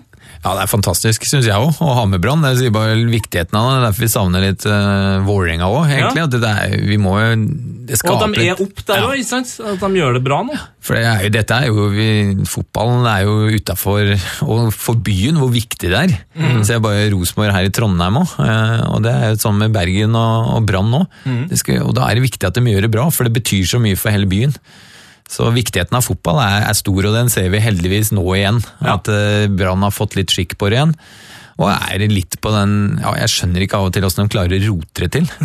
Men det er enkle, enkle prinsipper, i hvert fall det syns jeg. da. Eh, Litt, men vi så jo, vi, vi famla vi òg, men det er derfor jeg blir veldig glad at den var ikke så dum, den oppskrifta som Kåre nå tar opp og børster litt, eh, mener jeg, børster litt støv av igjen. Altså sånne enkle ting med, med folkelighet, det å se folk, og det Så tror jeg det er viktig jo det å ha, ha sjøltillit og samme trua på et, et opplegg som en, eh, som en har. Ja, altså, men men det, det er fascinerende det som har skjedd med Brann. for det, Nå er de vel på, nå er de vel topp fem i Norge. og For uh, halvannet år siden da var vi og så de tapte 4-1 mot Levanger. og Det er de, mm. det er de samme spillerne. De ligger på tredjeplass. Mer eller mindre det samme laget. Altså. De har mista Markus Pedersen, men det er liksom, ellers er det akkurat de samme folkene. Så jeg skjønner, altså, kan nesten ikke helt skjønne som, hvordan det er mulig. At de samme spillerne bare med liksom, å gjøre noen endringer plutselig blir så mye bedre. Nei, altså det, ja, det er jo på godt Det er skremmende, egentlig. At det er så, så stor forskjell. Men eh, samtidig når jeg har spilt det spillet, og det er så mye variabler i det. Det er, det er komplekst. Det det er en stor bane, det er elleve stykker som skal samarbeide. Vi kommer jo akkurat nå i disse OL-tider med håndballen, liksom, som er litt mer enklere. eh, På en måte Du kan legge opp trekka, du kan øve på det, men det er større flater og mer utfordrende til å få folk til å henge sammen, og så er det penger litt inni dette her òg. Og så er det ansvarsfordeling. Ja, går alle på den banen for å vinne òg? Eller går de der for at de skal ut og gjøre seg god sjøl, sånn at de kommer seg ut i en annen liga Videre, ja. videre? Går de er halvskada for at de kanskje får betalt for den kampen? Eh, Så det er viktig at de er med i den kampen. Eh, Så det er masse hensyn. da, som Jo flere du blir innpå den vanen, jo, jo verre blir dette å håndtere. da. Og hvis du da ikke har trenere på en måte som, eh, som ikke klarer å håndtere det, og ikke får med seg folk til å jobbe for deg, og til å brenne for deg, og ikke minst brenne for klubben, så, så har du en kjempeutfordring. For det, de, de må jo strengt tatt ikke, når de også går ut på, på banen der. Nei, akkurat det. Du, men, men du har egentlig eh, Når vi ser på karrieren din, så har det på egentlig bare vært eh, Det var egentlig bare vært medvind hele veien. Eh, Men har du på en måte noe sånn eh, bunnivå? Er det en gang, liksom, hva husker du som den eh, verste tida i karrieren? Er det, hva, hva var det? Det er jo alltid bunnivåer på, på en måte. For det du liksom leser ut av nå, er jo resultatene til laget, på en måte. Eh, Så rent personlig så har man jo masse bunnivåer. På, det skal jo leses der med skader og ut og inn av laget litt og, og sånne ting. Så det, det, selv om det blir veldig sånn overfladisk å bare se på Yes, det endte med gull, så da var det jo en topp sesong. Eh, så, men stort sett så er jo det som da gjør i hvert fall at det, du kan sette et strek unna at det var Ja, du kom deg gjennom i hvert fall, men det klart det inneholder eh, også mye mye usikkerhet, som jeg sier, har vært inne på litt tidligere. De første årene her er tøffe, selvfølgelig, i Rosenborg. Det hele det første året i en ny klubb er tøft. Men var det sånn da at du tenkte at æsj, nå har jeg faktisk gått feil og vurdert å stikke tilbake igjen til, til Stabæk? Ja, altså, vi vurderte jo det litt med Stabæk, selvfølgelig. Da var jo ikke Nils, da var jo Trond Solli som trente det året. Men du, du Hvor, merker hvor skummel er Trond Solid? by the way? Ja nei, altså det, alt er jo skummelt når du kommer opp på et ny, nytt nivå, og du, skal, du veit ikke hva gutta mener om deg. Du Første treningen, du kjenner litt på nivå, du merker at du ikke helt henger med. Eh, hva sier dem etterpå? Eh, og hele den der, og bli kjent med nye venner igjen, egentlig, og nye lagkompiser. Eh, veldig sunn greieprosess, men det, er, den, den skal læres, den òg. Den, den kost, det koster, det òg. Eh, og den viste den ydmyken, bli kjent med det, bli kjent med laget. og Det er det som kjennetegner litt de gode, beste lagene som jeg har spilt på. De, de er ganske sammensveisa utafor også. Eh, Vi skal snart gå videre til ukas drømmelag, men jeg skal bare ta ett spørsmål som vi har fått fra Øyvind Moen, som jeg ikke helt skjønner, men jeg, jeg aner meg kanskje at det er et morsomt svar her. Hvorfor er ikke Sverre Dreyer og Nils Arne Eggen i slekt? Jeg har et godt spørsmål. Ja, det, er Sverre, Sver- Sverre er Sverre Dreyer, Dreyer? ja, det lurer sikkert dere litt på. men Det er en legende på fotballbøker og på fotballutviklinga i NFF. Ja. Så han er eh, forfatter bak masse av litteraturen, norske fotballitteraturen, okay. på fagnivå. Han og Andreas Morisbakk eh, er sånne legender litt fra, fra det. Og jeg hadde Sverre Dreyer faktisk i Han var eh, trener i ROS, Røyken hos Bikstad. Der, ja! Så det sier litt hvor heldig, hvor heldig på veien jeg har vært òg. Du, du fikk liksom eh, fullført sirkel når du møtte Nils Arne? da? Jeg gjorde egentlig det, og det er, jeg ser at det er mye av de samme trekka i, i Sverre Dreyer som det er i, i Nils Arne, egentlig. Så jeg kanskje fikk litt sånn sluttført sirkelen, hvis du sier det. ja. Wow, Der følte jeg vi gikk eh, rett opp i P2-nivå, eh, sånn rent eh, Altså kvalitetsmessig. Ja, Ok, er det noe der òg? det var sånn Sverre Dreyer-referanse her, liksom. Ja, ja. Vi har vært på P3-nivå helt fram til nå. Ok, ok. Nå stikker vi til ukas drømmelag.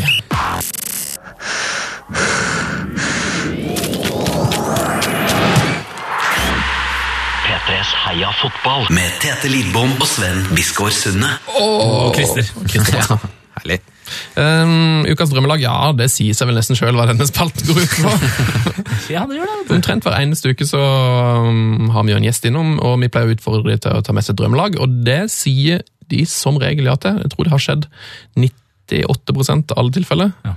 Uh, og Christer har vel levert han òg, har jeg hørt noe rykte om. Ja, jeg har tatt med meg en lapp her, i hvert fall. Derfor, men jeg var jo litt usikker på Derfor jeg har jo hørt litt på Fotball tidligere her, og så da har jeg lagt merke til at de, de bruker jo den spiller med Eller om jeg skulle ta med alle man har møtt og litt sånne ting, ser sikkert folk for seg og lyttere liksom, ah, Man har med de, liksom.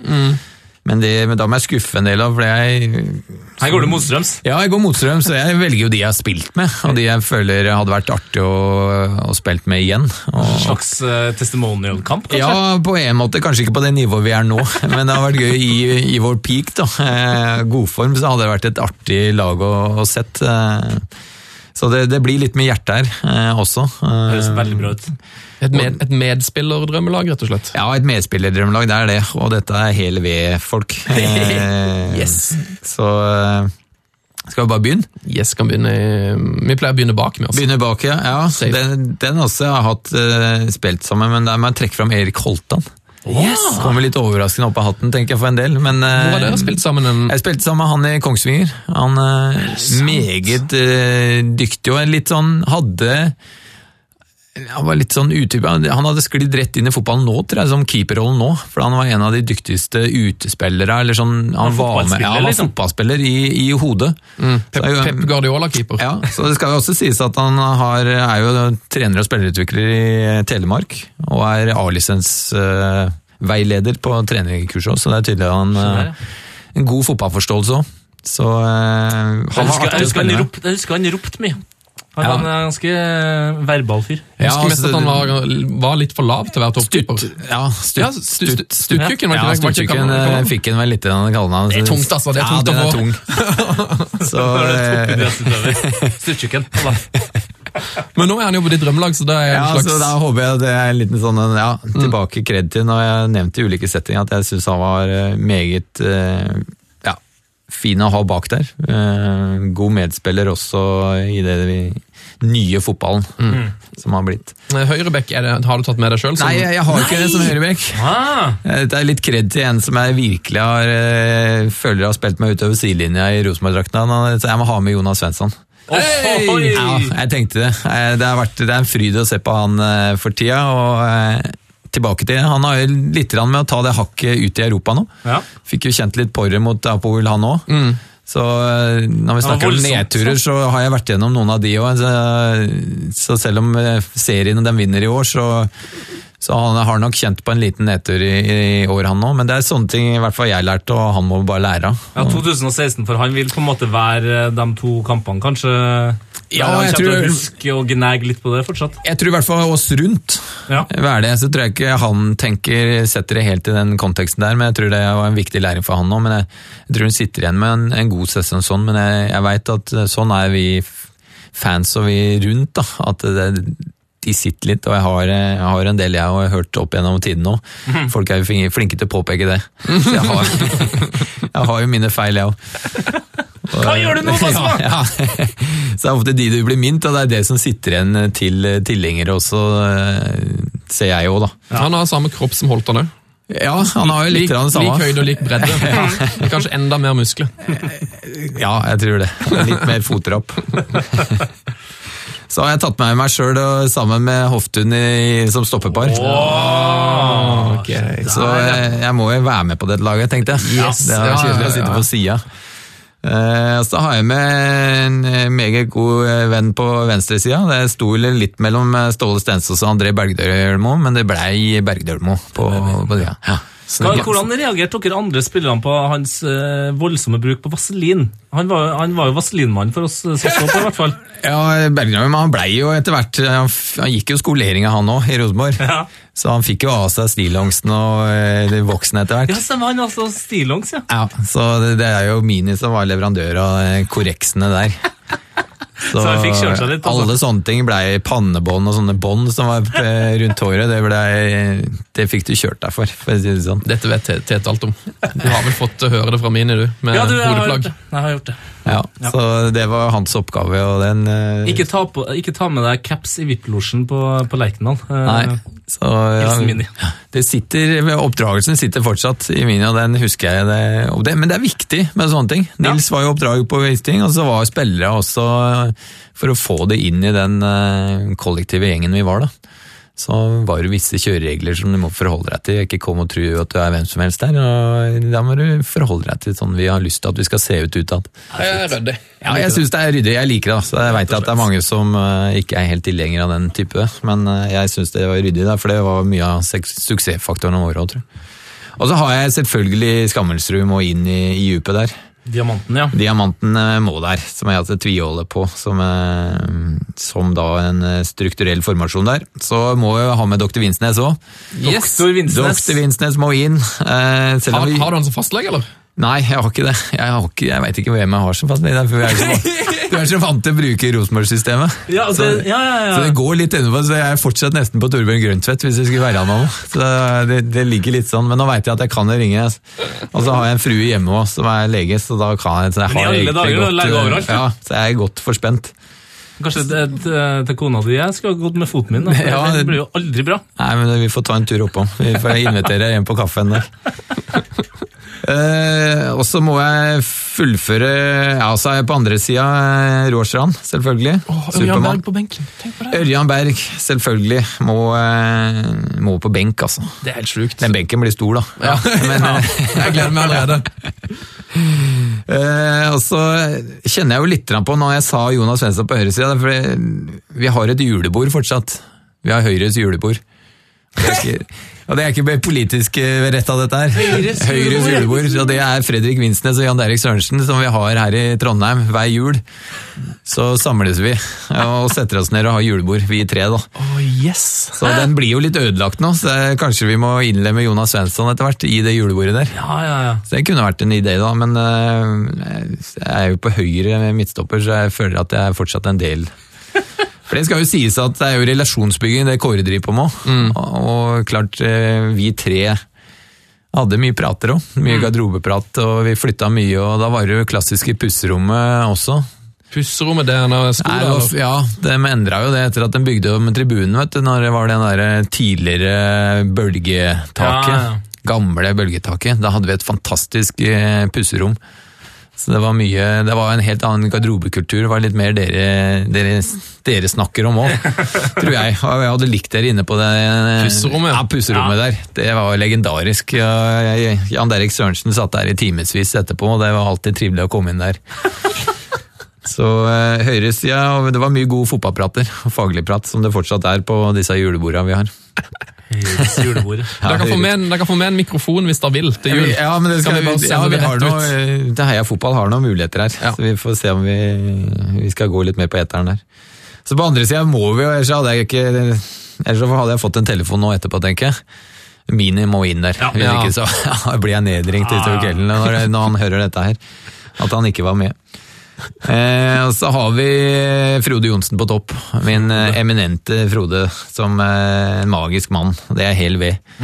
Han må bare på, på topp. Eh, da vet jeg også, da, da får vi mye innlegg i boks her. Og han er leverandør av mål da. Ja, i snart eh, 360 år, kanskje. Jeg har han holdt på med det der. Ja, han har jo det, så ennå så knekker de jo ikke koden. Så han er aleine på bakre uansett, han. Så, så jeg tror det fortsatt hadde funka på det laget her. For et lag. Vi må rase gjennom benken òg. Ja, vi må rase gjennom eh, Vi har jo nevnt Ørjan Berg der, selvfølgelig, og du har jo flere Runar der, eh, som da hadde med gebisset sitt, du har sett det? Nei! Ikke? Jo, han eh, krasja jo bil, han, vet du. Nei! Så, jo, han var Jeg veit ikke hvor gammel han var, men Så han var faktisk litt artig, derfor han plutselig så sto han bak, husker jeg, en av de første møtene jeg hadde med han, så dukka han opp bak ryggen min og hadde tatt ut, tatt ut tenna. Ja, jeg tenker jo at uh, Harald Martin Brattbakk er nærme en plass her. Uh, Sigurd Rushfeldt, ja. Ståle Stensås nevnte du jo. Ståle Stensås, Bjørn Tore Kvarme, ikke minst. Oh, herregud, uh, fantastisk spiller. Kenneth Storvik, Ken Storvik også, ja. ikke minst. Og skal nevnes, vi må ikke glemme Dagfinn oppi dette. Eh, som var eh, også et fantastisk det har vært utrolig mye bra spillere innom. Og eh, dessverre altfor kort tid òg, men det sier litt om selekteringa som ble gjort i den perioden der òg. Det var mange som var der bare et år eller eh, et og et halvt, og så Ja, Rett ut. Ja, rett ut og føyk og hadde fantastisk fine karrierer eh, andre steder, men eh, passa og sklei liksom ikke inn i en veldig sånn stram, stram struktur. Og det er jo det litt Kåre introduserer nå. Det, Så jeg, jeg, jeg liker den typen. Jeg tror nok, uh, Mine er glad for å komme med, men du får nok høre det fra Vidar Riise, tenker jeg. Den Det får jeg nok helt. Det får jeg bare leve med. Vi må videre! Post og brevet, post og brevet, post og brevet. Post og brevet, Vi får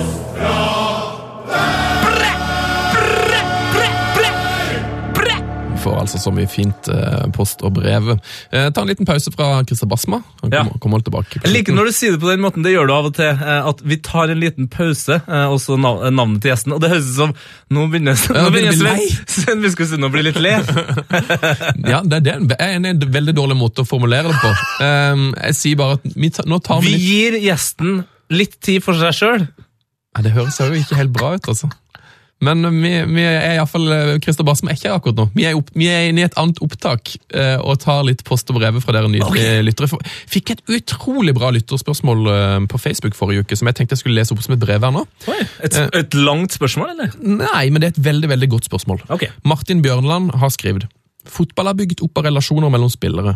Og dette er en udiskutabel, udiskutabel sannhet. Altså relasjoner. Ja. Det er veldig viktig. Eh, Men hvorfor kjøper aldri toppklubbene to spillere som en pakkedeal? Med en slik relasjon blir ikke verdien av Mares og Vardy langt høyere når de spiller i samme klubb. Ja. Så hvorfor, kjøp, hvorfor er det ikke noen som bare kjøpte Mares og Vardy i sommer, istedenfor å liksom drive på kun kjøpe Kanté? Kanskje det, kanskje det blir skeis i Chelsea? ikke sant? Ja, ja. Kanskje de burde hente, hente Drinkwater òg? Ja, kanskje Kanté og Vardi, Mm. for eksempel. uh, nei, det, ja, det er et godt spørsmål. Hvorfor kjøpte ikke Liverpool uh, Lovren og Fonte fra Southampton? Altså bare f og fikk uh, et uh, ferdig utvikla stopperpar. Istedenfor å måtte sånn, som- Proven, liksom. Ja, ja, hvorfor skal liksom nå, Det er ikke sikkert det blir gull med, med Bailly i United. Nei. Kanskje hvis de hadde henta med makkeren. At da er det liksom Ja. ferdig. Veldig godt spørsmål. Uh, ja, det er et godt spørsmål. Hvorfor gjør, men hvorfor gjør ikke folk det? Jeg, jeg ser jo for meg at uh, en av utfordringene er jo uh, pris. Eh, altså Vardi, da, som, eh, og for så vidt Mares, begge ønska av en viss gnuken eh, fransk manager i Arsenal. Eh, har jo ikke dratt til Arsenal av den enkle grunn at eh, Vardi hadde ikke lyst, da, men, men eh, Arsen Wenger betalte jo ikke nok. Eller han la ikke nok på bordet for én av dem en gang. Eh, Og det å kjøpe to, da går det veldig utover den klubben som skal selge. Da, da må de ha veldig, veldig veldig mye penger. Ja. Det blir på en måte det motsatte av det du får på Dressmann, eh, der du får liksom to for én. Her er det mer sånn to for åtte, Ja. ser jeg for meg. Ja.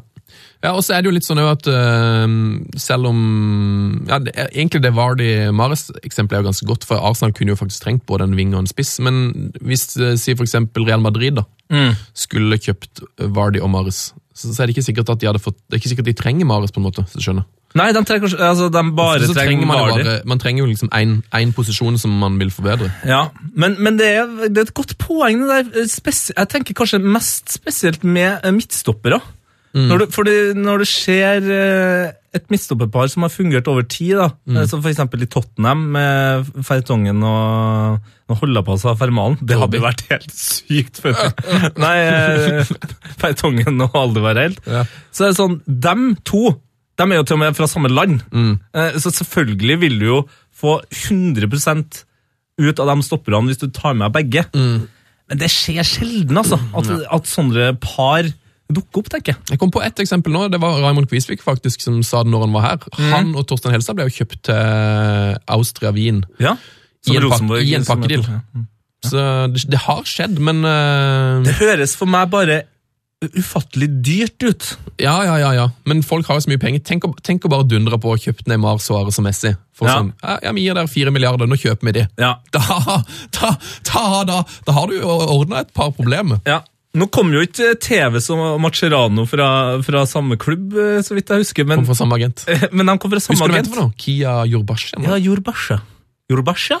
Kia Jurbachian, tror jeg. Ja, ikke helt sikker. Nei, så det er på en måte den eneste pakkedealen jeg husker. Apropos pakke, sjekk til sida på sida her. Vi har fått en helt vill pakke i posten, og det, det syns vi er veldig hyggelig. Det blir mer og mer populært å sende oss Det er greit at jeg gjør sånn. brev i posten. har ikke ødelagt noe nå. Jeg vet, ikke, jeg vet faktisk ikke helt hva som er oppi. Eh, Det er norgespakke smugkikka. Så det lå noe godteri oppi der. i en eh, Coop-pose. Det setter jo jeg stor pris på. Jeg kommer fra Coop-familie. Ja, Du har hatt Coop-kort siden du var mm, tre år. Ni, ni år. Ni år. Fikk du Coop-kort før du fikk mobil? Eh, ja. Eh, og jeg fikk også overskuddet til mormor eh, fram til jeg var 15. Nei! Jo, jo. Åh, hvor mye, var det mye avkastning var det på det? Hvor mye, hvor mye Nei, det det, må jeg nesten holde i familien. Altså. Det er ryddig. Ja. Skal vi se her, da. Det, her er det altså da fi, tre Oi, oi, oi! oi! Her er det fire ziplock-poser fra Ikea. Jeg velger å, å nevne på en måte merkevarer i dag. jeg. Veldig bra. Og i den ene Men bestemor skal du, bestemor skal du beskytte. Ja, ja, ja hun ligger jo oppi der Oi, oi, det er, i Glorion. det, det er noe eh, postkort her. Ja, Eller kanskje jeg skulle ha lest, lest brevet først. Det er i hvert fall noe du Jeg kan ta, jeg kan ta brevet. ja, du kan, Nei, du kan se på der. Jeg kan ta brevet. Si hva du og har. i helsike! helsike! Wow, det er noen gamle postcards fra Manchester United med gamle Super Reds heroes fra 90-tallet, som Jesper Blomqvist, Japp Stam, Dwight York og Ole Gunnar Ja. Solskjaer. Og her er altså fem uh, United eh, kjærlighet på pinna. Her er det noe United eh, kort. Utrolig. Og seks United pastillesker fra Team 99. Sikkert steinharde pastiller. Nå skal jeg lese Godteri fra 90-tallet! Ja, nå skal jeg lese eh, det kortet her, som er et spraglende fint uh, kort. Glory, glory, Man United! Har kaputt skri... Skriveri. Ja. PS, derfor håndskrevet uh, kort Kaputt skrivemaskin. Ja, skriver. Ja. Til Heia Fotball, her er United-utstyret jeg skulle sende. Vennlig hilsen Kenneth A.H. Berger. Det her er han som Netchef Lars har eh, fått uh, hatt kontakt med på Facebook, vet du. Ja, Men da, da har vi i hvert fall noe usannsynlig gammelt godteri som vi kan dele ut i premie. Nå kommer Netchef Lars her. Ja. Vi høre hva det er? Netchef Lars, hallo! Du, Vi har fått eh, masse godteri fra han fyren som du hadde kontakt med på Facebook. Kult. Uh, hva, Hvorfor, hvorfor fikk hva, skal vi skal dele det ut som premie, eller? Ja, han spurte om vi ville ha det, bare, og så sa ja, eller dele ut som premie. Det er helt ville ting vi har fått. Ja, det er helt vilt. Derfor så er vi regifter uh, gjerne. Det inn. Men det må, det må jeg si før vi regifter der. Ja. Eh, for det kan jo være at de som får ga gaven eh, for eh, godt arbeid eller god brev, eller sånn, bare hiver i seg den pastilleska her nå. Pass veldig på. Det er altså fra 99. Eh, det betyr fort at de tennene du har eh, fått i gave av Gud, mor di eller far din, de forsvinner tvert, altså. Du tygger nedpå der. Eh, Vi har fått et eh, veldig veldig, veldig fint brev eh, som, er, som går egentlig mest til Nesjef Lars, tror jeg. Eh, og, går- eller til meg og Tete. Er, vi har hatt et mysterium som vi aldri har fått kommet helt til bunns i. Vi fikk jo en svær pokal for noen måneder siden. Og nå tror jeg enten det er de samme folkene eller noen i, i samme crewet som har sendt oss en ny æresbetegnelse i posten. Hva er det du har i hendene dine der, Lars? Her fikk jeg av deg nå nettopp. Her er første gang jeg så. Det er en plakett. Ja, eller plakk, som eh, rappere kaller det. Plaque. Ikke plakk på tennene, men en eh, plakett. En Ganske stor, en laga i en slags tre. Med da et sånn en, ener gullmedalje på, og en sånn eh, gravert eh, Hva det heter Metalldings. Ja, det Ja, er det, en, det er en klassisk premie, vil jeg si. Ja. En, en premie.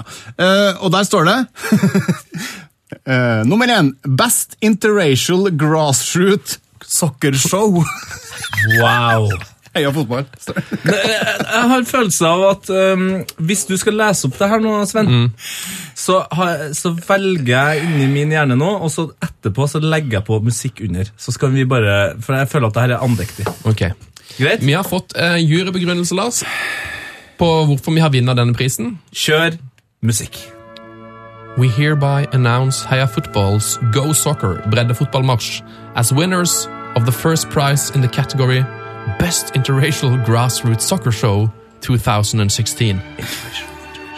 The awards show of the year was for the first time held outside the USA, hosted by the Norwegian island Rodøy, and, has, and as always, an unpredictable affair. With few clear frontrunners in the major categories, thus also in this category. It was just days before the entry deadline that Bredde Fotballmarsjen was enrolled into the competition. The show takes us into a world we are not normally privileged to see. Inside several small rural villages where men, women, and children struggle with everyday life. The expectations and traditions of their families, culture, and community, but still they are being able to spend time doing what matters most grassroots soccer. Still. Long hours through undulging terrain in a race against time, a mouth-watering, ambiguous story offering as many questions as it did answers. The front walkers Tete Lidboom and Sven No Noas Sunne, accompanied by their always true, the swashbuckling head of web and so forth Lars. Head of web! Wiped all the other all the other competitors aside. Watching all their small clips feels like getting an adrenaline shot to the heart. It takes you on a hypnotizing whirlwind of energy, listening to the podcast recorded at night with their soft voices fitting everything together beautifully while still being surprising and unpredictable made us spoon each other in pure man-friendly joy. Woo! In competitions like this, it's always going to be a close race. But when these good male friends walk their last steps to towards Gullberg Aune Stadion, shoulder to shoulder, again accompanied by the swashbuckling head of web and so forth Lars, the jury made their decisions on the spot. Congratulations once again, and best wishes for the future. A fucking man. Rått! Hva er det greiene der? Who, who would you like to thank in uh, English, uh, head of web, Lars?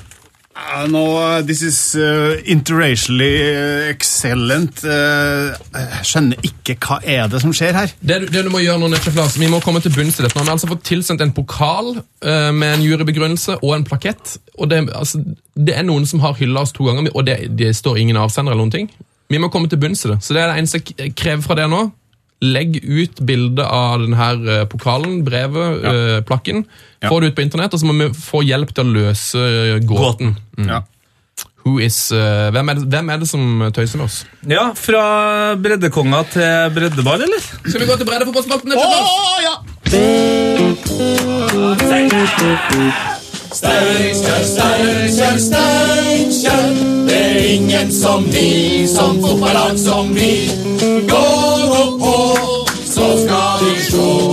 Ingen kan slå SJFK. Åh, Der var nettsjef Lars! Hei! Hei, Så hyggelig å se det. Ja, og jeg skal på breddetur til England i helga. Nei! Det er lite bredde, eller?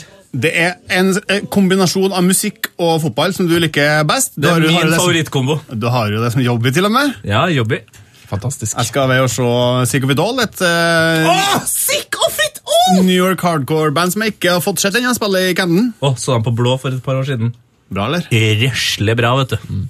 Og så skal du se noe breddeball. Ja, altså, vi tenkte, skal vi gå for Premier League? Nei, det er dyrt. Nei, vi får tak i billetter. Vi går for South End, etter tips fra Sunde her. Fantastisk. Ja, Roots. Roots Hall. Ja, Roots Hall. Er ikke noe koselig der. Men vi må, vi må få litt uh, Ja. breddenyheter på denne, Lars. Det må vi. Det er jo derfor du er innom her. Yes, jeg har tre kjappe saker, og det er Første saken. Sur strid på det søde Sørland. Ja.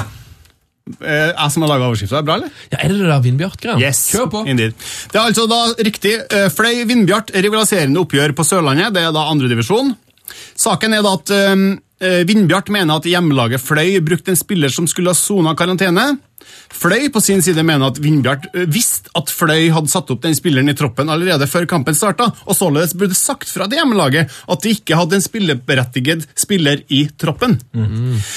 Blant annet så var David Vatne i harnisk. Jeg så David var sinna på Twitter. Og på Twitter, ja. Og mente at det var ekstremt lite fair play av Vindbjart hvis de da visste at uh, den spilleren ikke var berettiga, og ikke sa fra til motstanderlaget før kampen starta, så de kunne nappe den ut av troppen. Eh, nå blir jo Vindbjart ganske sikkert tilkjent seieren. I en kamp for øvrig de tapte 4-3 etter å ha henta opp 0-3. Det er jo òg en story der. Men jeg syns vi står igjen med et prinsipielt viktig spørsmål. Hvis du er trener på et lag og får vite da at uh, motstanderlaget får satt opp en spiller som ikke er berettiga, er det ditt ansvar å si fra, eller er det hele fulle ansvaret eh, på administrasjonen eller støtteapparatet på andre laget? Eller så er du usportslig, da, hvis du ikke sier fra. Mm, Det må jo være, det må jo være den klubben Det må jo på en måte være Fløys skyld, men hvis det da stemmer at Vindbjart visste om det, så er det jo litt smålig å Word against word. This shit is word against word. Det er bestandig sånn. Det er barnslig egentlig begge veier. Hvis, Ja. hvis Vindbjart ikke Nei, hvis Fløy ikke har sagt fra, så er det barnslig av dem. Og hvis Vindbjart visste det, så er det barnslig av dem. Det, det er Det er rotete av hjemmelaget å ikke vite, da. Du bør vite hvem som er suspendert, ja. For, for Det, det synes jeg er viktig at det, liksom, det er mange som ikke tar det der helt på alvor og driver på å spille med spillere som er suspendert og bytter navn og står på. og Det er jo, Oh, det har jeg gjort mange ganger i min karriere. det er, det er jo litt stusslig. Det er, det er noen regler som bør følges. Ja. Artig å spille ball, da. Eh, og det er enda artigere å vinne, så det, jeg skjønner jo at man gjør det, men det er litt barnslig.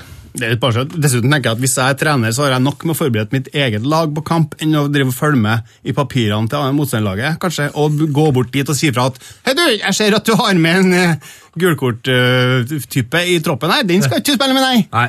Det, det prioriteres ikke, tenker jeg. Mm. Gulkort-type. Dommeren oppi alt her, da! Dommeren, han eh, Det vet ikke jeg. Vi skylder alt på dommeren! Dommeren. Det er dommerens skyld! Nei, Det er noe administrativt der da, som skal følges, og de får jo 3 poeng og 3-0 sikkert. Men Vindbjart skriver for øvrig på sin hjemmeside at eh, ja, det regelverket er sånn, og det kan innebære at vi får 3-0-seier. Det vil helt klart være en seier med bismak, men regler er noe regler. prikk, prikk, prikk. Omkamp hadde vært det beste rent følelsesmessig. Ja.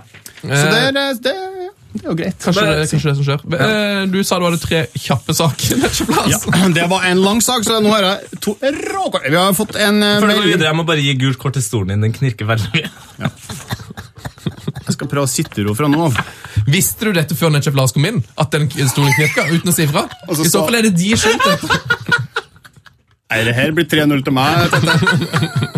Jeg har fått en privat melding fra Jonny Olsen på Twitter. ser jeg. Hei, Jonny. Hei, Jonny.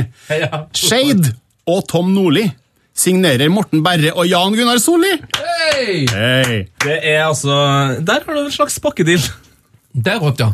Greit, da. Klubben skriver eh, på skje.no at rutinerte Morten Berre går inn i som spillende trener i Tom Nordlis team. Han er spilleklar allerede til seriekampen hjemme mot Alta førstkommende søndag. Rutinerte Morten Berre. Han har flere kamp enn Mor- enn Christer Basma.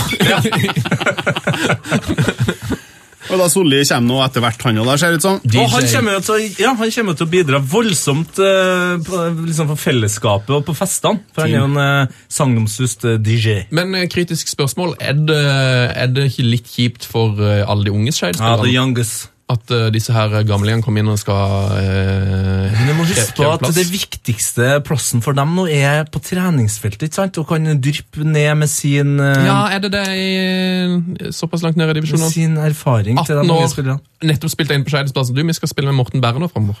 Ja, En liten spill, men det står faktisk på hjemmesida at eh, høyeste alderen var 24 til nå. Så det blir jo et greit sprang opp til de tåene, Men, Ja, men da får de jo en rutine rutinen som inn på inn. feltet, ikke ja, sant? Ja, det er det som er meninga. Jeg liker det. Vi går videre til siste sak. Simon Sæternes Stappnes har sendt oss en Facebook-melding. Nei, nei, nei, nei, nei, nei, nei. Si navnet hans en gang Nei, det er Facebook-melding eller nett? navn. Fantastisk navn. Hva heter?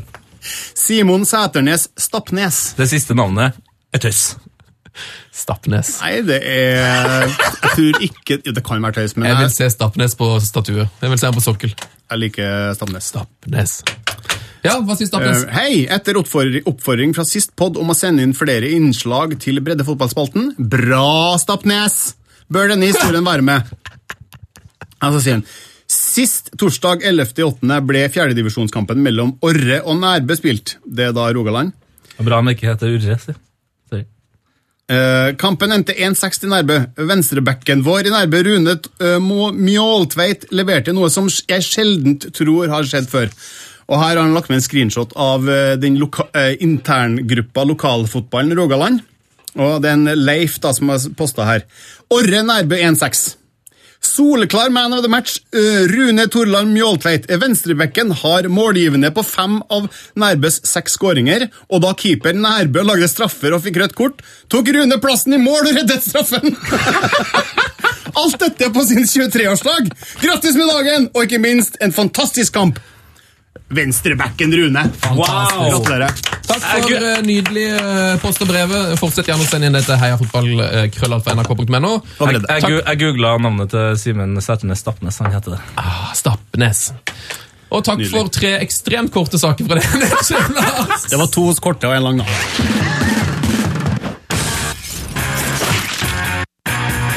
Heia fotballs glory hall. Å ja da. Å ja da. Oh, ja da. Og tida flyr som bare det. Eh, Det er det de bruker.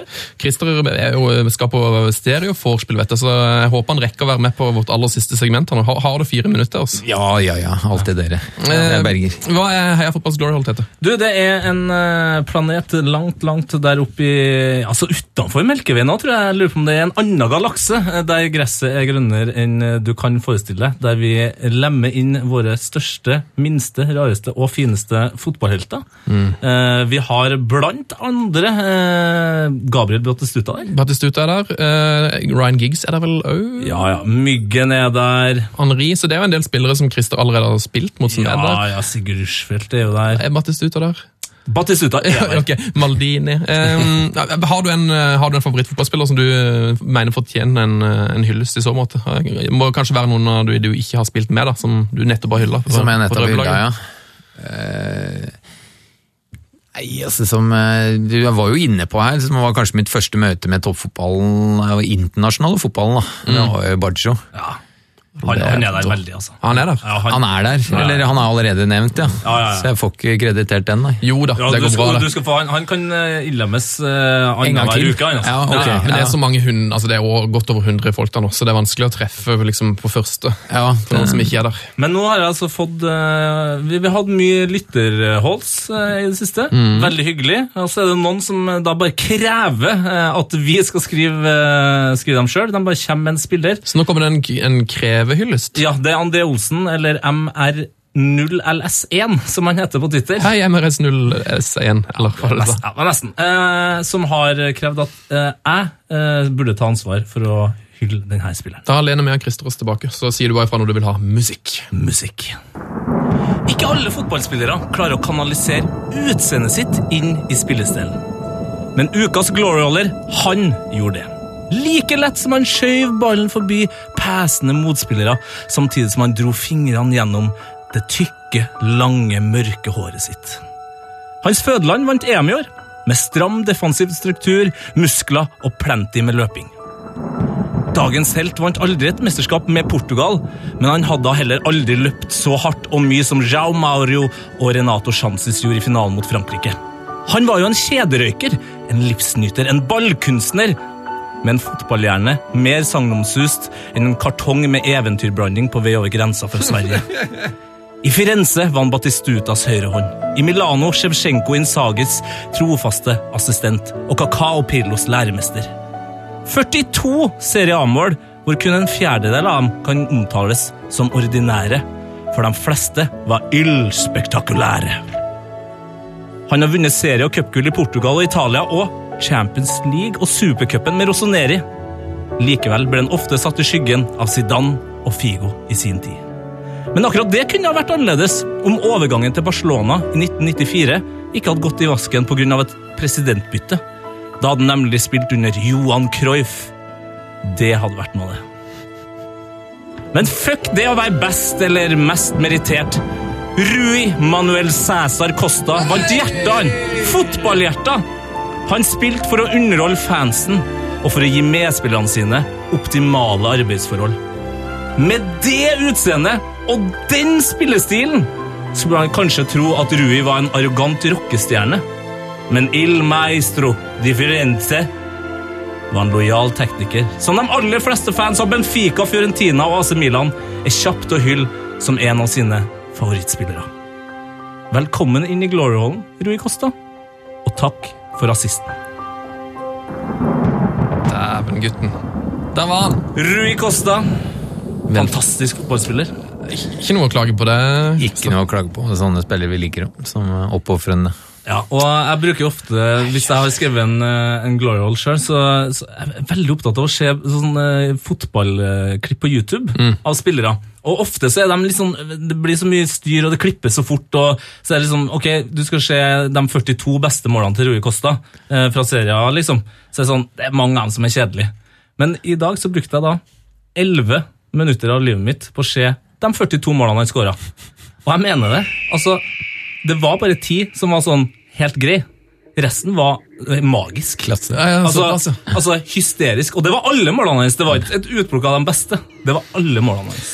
Takk til alle som uh, hørte på Heia Fotball i dag. Det var veldig veldig hyggelig. Eh, Husk at dere kan høres på radio på lørdag klokka tolv. Og så ikke minst takk til Christer Basma. da. Ja, Takk For at jeg fikk komme. Det her var trivelig. Så veldig, så veldig, veldig hyggelig. Så må du hilse til um, høyre julebordet. det skal jeg hilse til Høyre julebordet. ja, og vi snakkes vel på stereo i løpet av helga. Ja, det hadde vært veldig trivelig.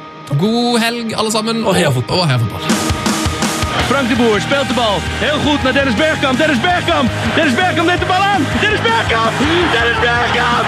Dennis Bergkamp. Dennis Bergkamp. Dennis Bergkamp. Oh! Frank de Boer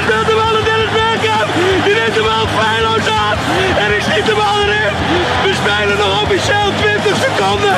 Dennis Bergkamp. P3s Heia fotball. Ny episode hver fredag. Last ned din nye favorittpodkast på p3.no podkast. P3.